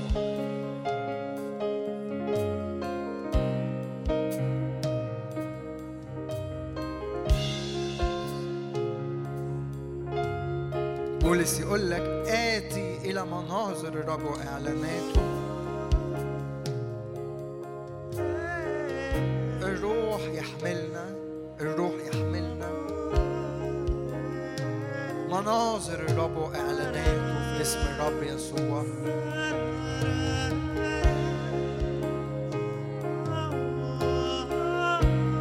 زي ما فتح الرب عينين أرمية.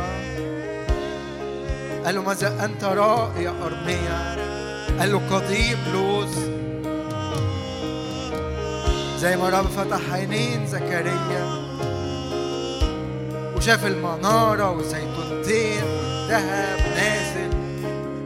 الزيت الذهبي نازل. زيت ذهبي باسم الرب يسوع. ارفع إيدك واستقبل من الرب.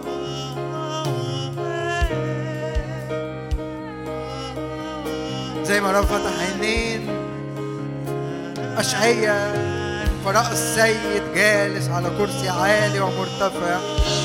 دي نهضة الأزمنة الأخيرة اللي الرب اتكلم عنها. أسكب روحي على كل بشر في اسم الرب يسوع. يتنبأ بنوكم وبناتكم ويحلم شيوخكم أحلام ويرى شبابكم رؤى اسم الرب يسوع. في واحد في العهد القديم اسمه زكريا يقول لك كان فاهم بمناظر الرب. زكريا الفاهم بمناظر الرب. كل ما أصلي بالروح كده أبقى حساس للروح. فالرب يفهمني ويبقى عندي تمييز. أبقى مميز إيه اللي في قلب الرب؟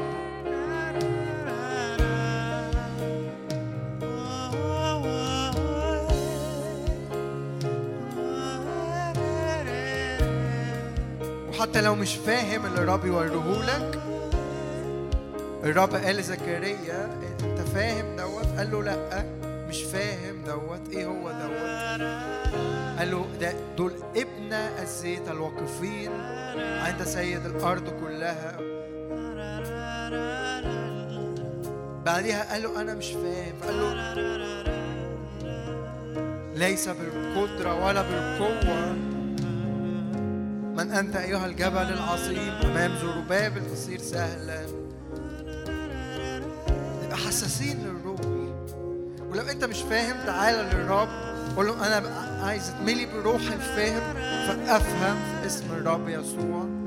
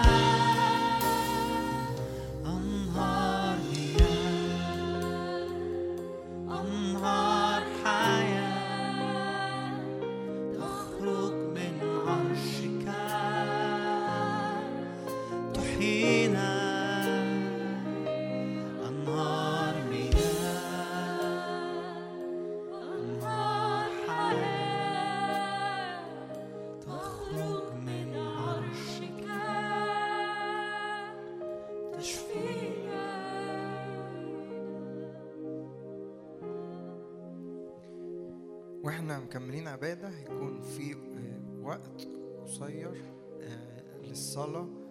آه، بوضع اليد مع أي حد. آه، لو أنت ما اختبرتش قبل كده دوت لو أنت مش بتصلي بالروح ممكن تطلع هنا. وكمان يعني شادي وممكن لو هالة لو نافع هيكونوا برضو بيصلوا. فاتشجع كده لو أنت مش بتصلي بالروح. وصدق كده اتملي بإيمان إن الرب هيديني النهارده في اسم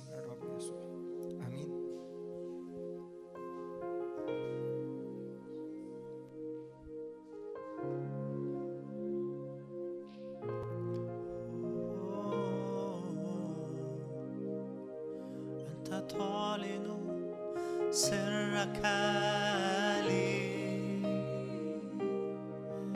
أنت تعلن قلبك لي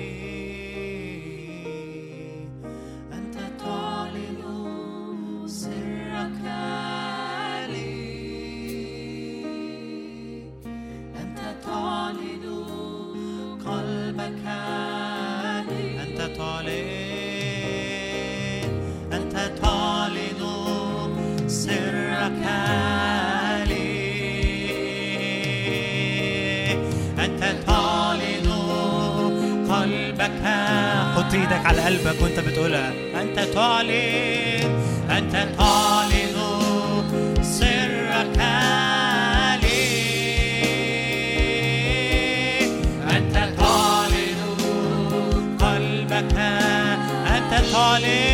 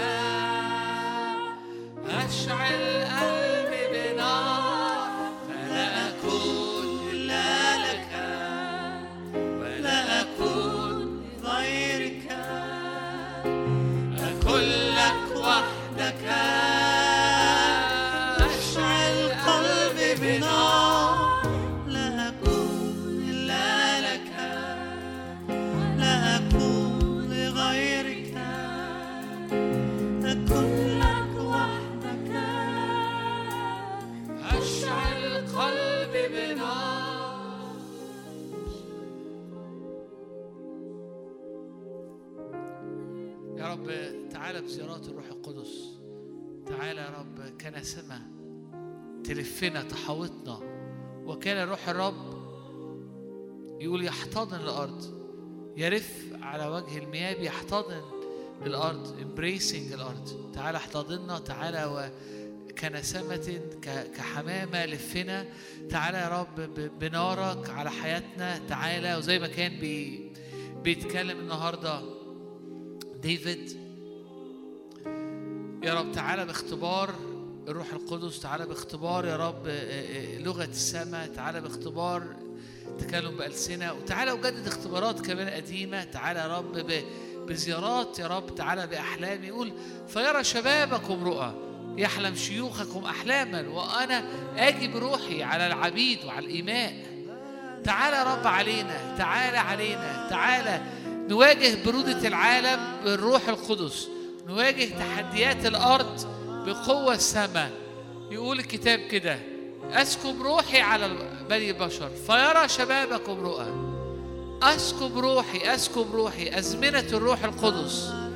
لكم. لأنكم ستنالون قوة متحل الروح القدس عليكم.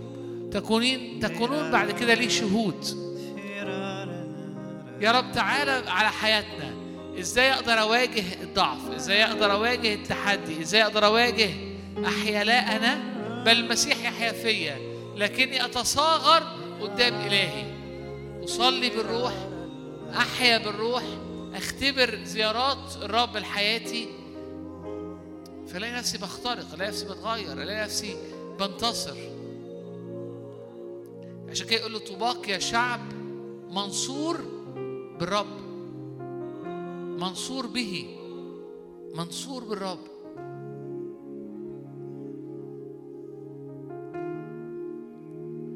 يا رب نصلي عشان اختبارات. اختبارات حقيقية مش مش اختبارات نفسية اختبارات حقيقية. لأنه مكتوب كده أي منكم وأنتم أشرار يطلب ابنه خبز يعطيه حجر.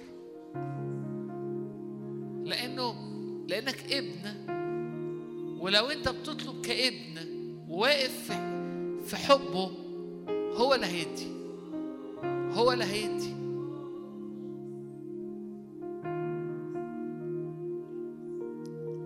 اسمه عجيبا مشيرا إلها قديرا أبا أبديا.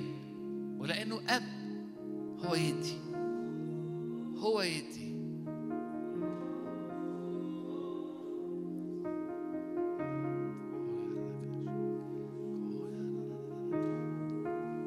فاكر من سنين يمكن من أكتر من عشرين سنة رحت اجتماع اجتماع صغير بتاع شباب في كنيسة. وكنت بصلي على الروح كنت بتكلم عن الروح القدس. وبعدين صلينا مع الناس. وكنت صغير أكتر من 20 سنة الحقيقة.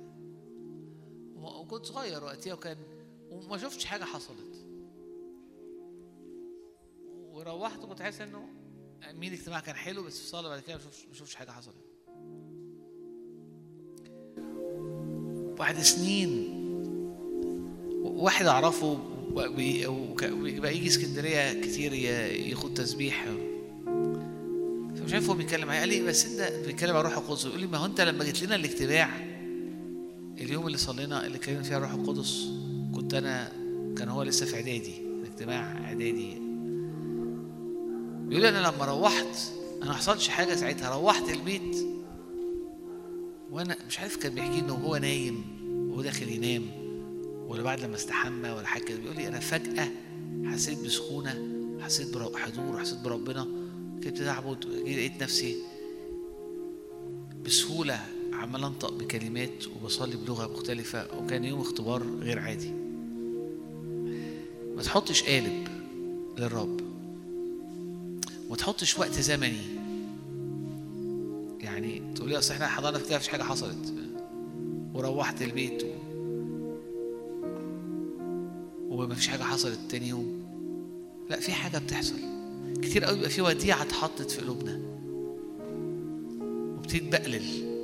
ولما تتمزج مع إيمان وبتتمزج مع حياة ماشية مع الرب تلاقي فجأة حاجة انفجرت. تلاقي نفسك وانت قاعد قدام الكلمة في حاجة انفجرت. تلاقي نفسك اتحط اتفجرت اتحطت إمتى الوديعة؟ اتحطت إمتى الحاجة جواك؟ اتحط في أوقات زي دي. في أمور كتير الرب يحطها تلاقيها انفجرت في أوقات تانية.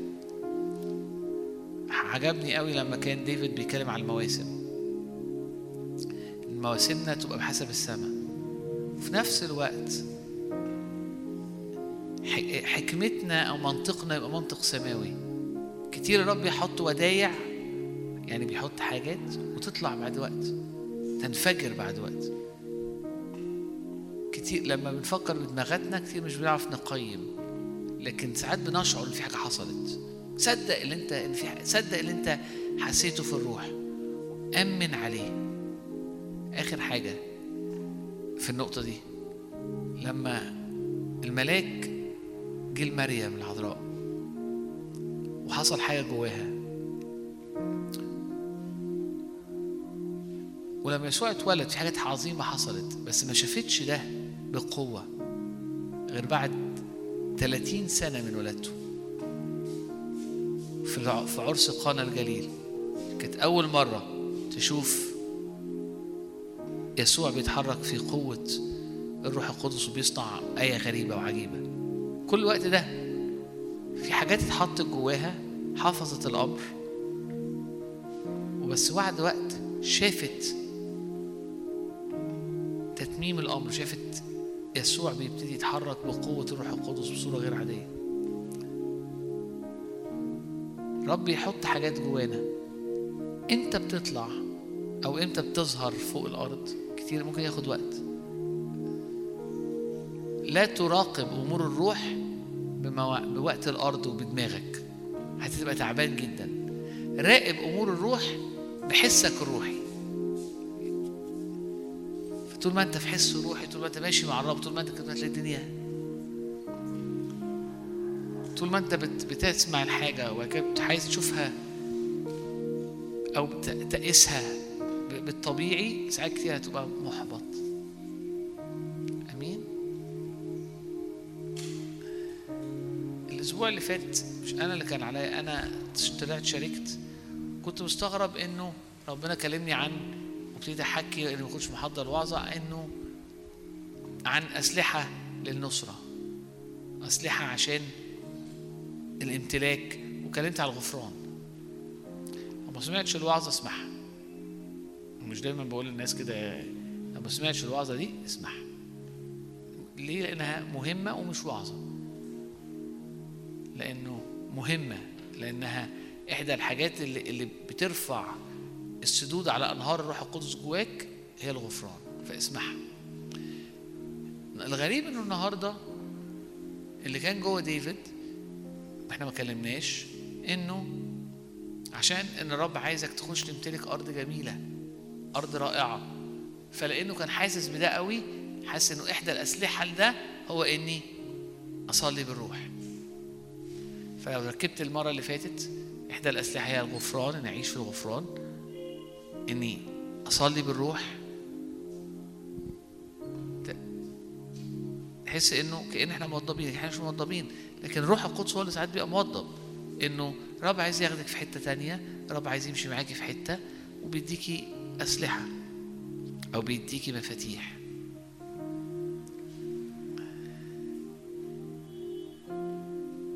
لو أي حد في أي وقت حاسس إنه محتاج يحكي ومحبط أو مش محبط وعنده تساؤلات ابعت لنا. يعني أنا موجود هي بتبقى موجودة. في خدام تانيين آه، لكن أنا بقول عن نفسي على الأقل أو عن الناس اللي بتيجي عليا الناس اللي جاية من مصر لأنه ساعات بنحس آه، في ناس تبقى حاسة أنا مش عايز أقعده بيجي متأخر وبيرجع ب- راجعين بالليل. ابعت لي. أنا مس... أنا ممكن أجي يوم مخصوص. عشان أقابلك. واحكي معاك لو عندك حاجة وفعلا شاعر لأ عندي موضوع كبير عايزين نقعد نحكي أنا هاجي احكي معاك لأن أنا اختبرت في أوقات إزاي إن في حاجات عندي اتفكت اتفكت في دماغي يعني من قعدات. يعني في أمور كانت تعباني و... و... مجرد إني قعدت شاركت وكان في ردود معينه حاسس إن أنا كنتش فاهم ده غلط. ف please لو انت عندك حاجة. مش لازم أنا يعني مش قصدي إنك تبعت لي أنا يعني ممكن تبعت لأي حد تاني okay بس قصدي أنا بقول إن أنا متاح لو حد عايز يحكي في مفاهيم في حاجات في في حاسس إنه في حاجة لأ دي ما حصلتش لأ الوضع الروحي ده أنا مش أحب إني أحكي معاك ما مش هقول لك إن أنا لازم عندي الح- حلول الأول لكن ما يعني ما أجمل وما أحلى أن يسكن الإخوة معا أو إن يحكوا الإخوة مع بعض أو انه فاه تعالوا نعمل ده.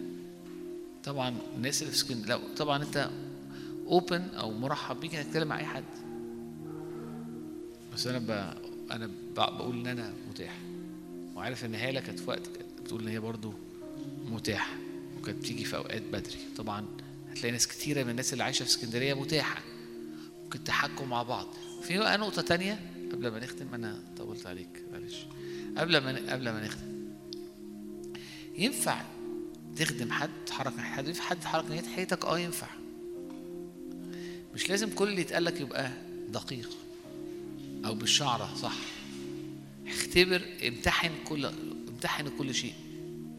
يعني حتى في صاحب بتاع النبوات بيشجع الناس إن لو جواك تنبأ آه. بس كده بيقول لك امتحن. انت بقى المتلقي امتحن كل حاجة امتحنها. في حاجة حاسس إن في علامة استفهام؟ لا مش مرتاح. لا امتحنها. ما يعني it's okay okay. ممكن اللي قدامك أو ممكن شخص يجي بقلب كويس بس يقول كلام لا يصيب الهدف. عادي ما فيش مشكلة. ينفع يكون شخص روحي يحصل كده؟ آه ينفع. بتحصل. مفيش مشكلة يعني. إزاي يعني؟ إذا كان هو كان بيكلم كنيسة بيقول لهم أنتوا مليانين بالمواهب وكملوا تنبأوا بس كمان امتحنوا وانتوا مع بعض امتحنوا اللي بيحصل لأن ممكن قوي يبقى حتة في حاجات اوت وكل واحد يتنبأ يبقى في ناس موجودة تمتحن. فما فيهاش أي إهانة يعني أو ما فيهاش أي حاجة غريبة. آمين. إحنا عايزين نشكرك عشان أنت جاي من منيا. بجد باركتنا جدا جدا جدا. أنا قبل أنا هختم بس عايز أقول حاجة. ده الانطباع اللي عندي. عارفين لما تبقوا في مفترق طرق؟ أنا حاسس إنه لناس كتيرة إحنا في وقت كأنه في مفترق طرق.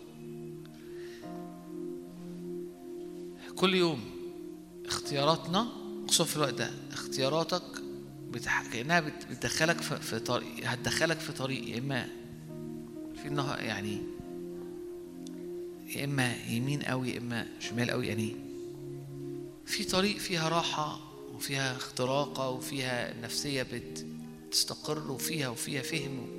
وفي طريق تاني مليانة آه، لخبطة ومليانة ومليانة. ليه؟ لأنه الأزمنة دي مليانة لخبطة. فاللي أنا بشجعنا عليه إنه كن يقظ لأنه حياتك مرتبطة باختيارات صغيرة بتعملها.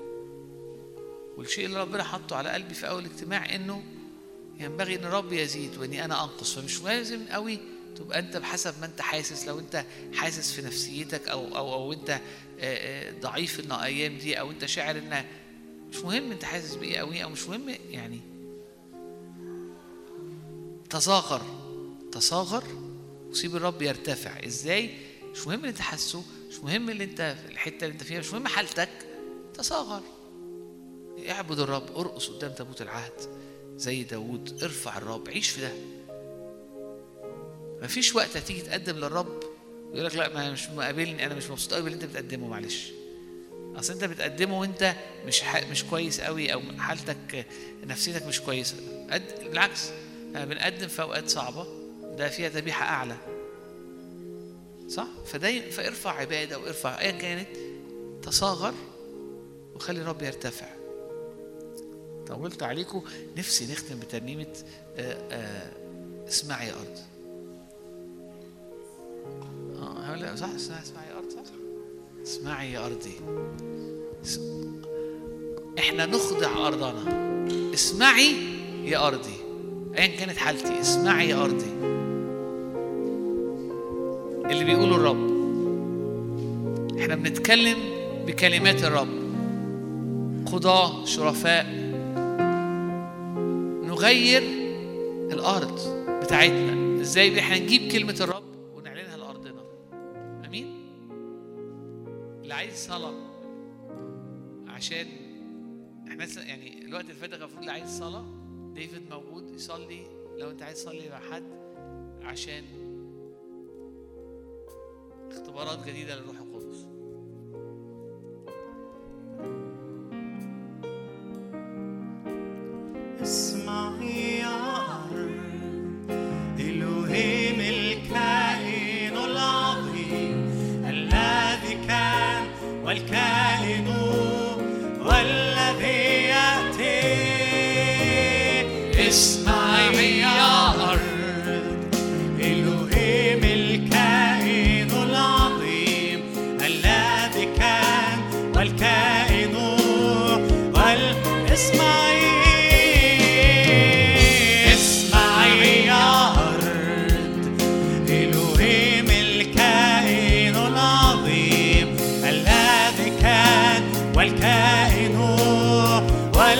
Fire is mine.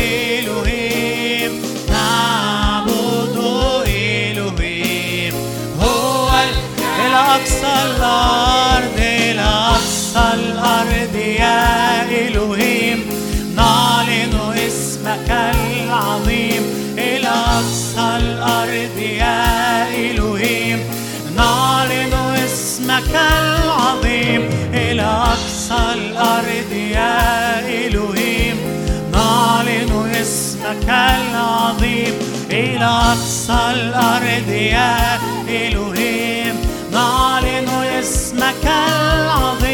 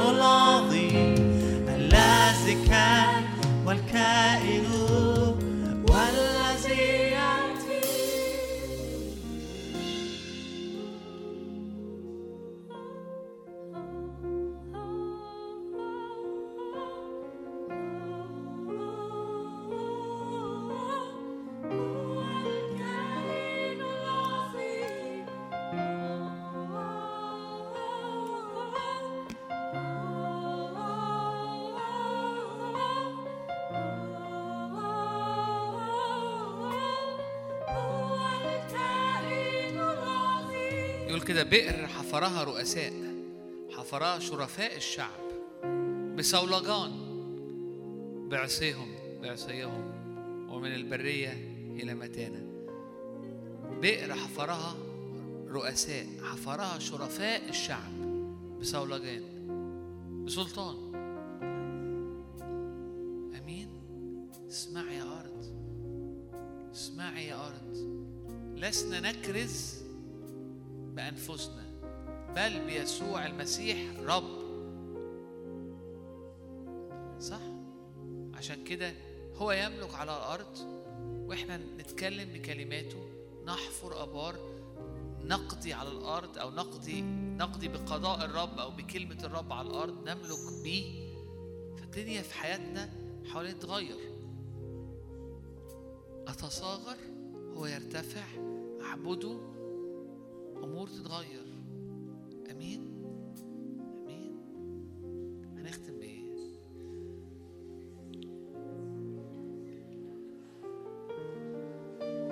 هن- هنختم ترنيمة يعني هنختم بهتاف. الرب صالي خلاصي مجدي ورفع راسي ملجئي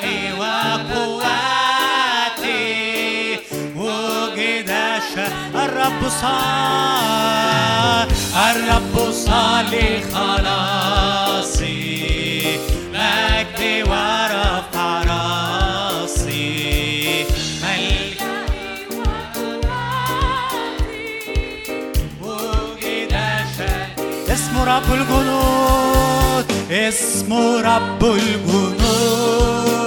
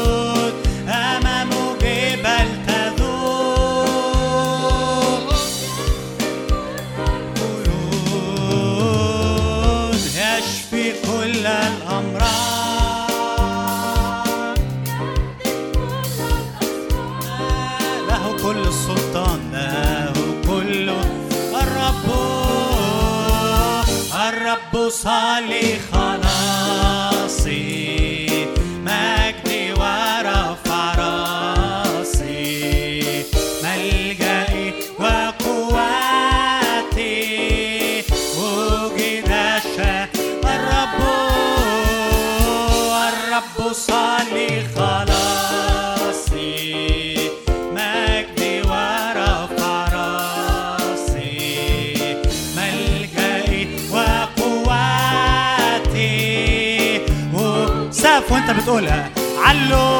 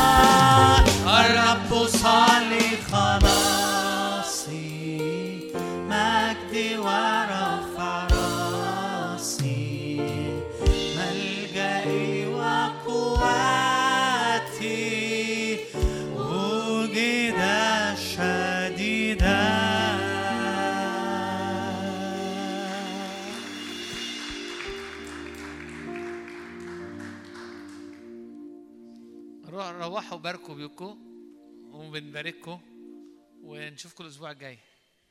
آمين.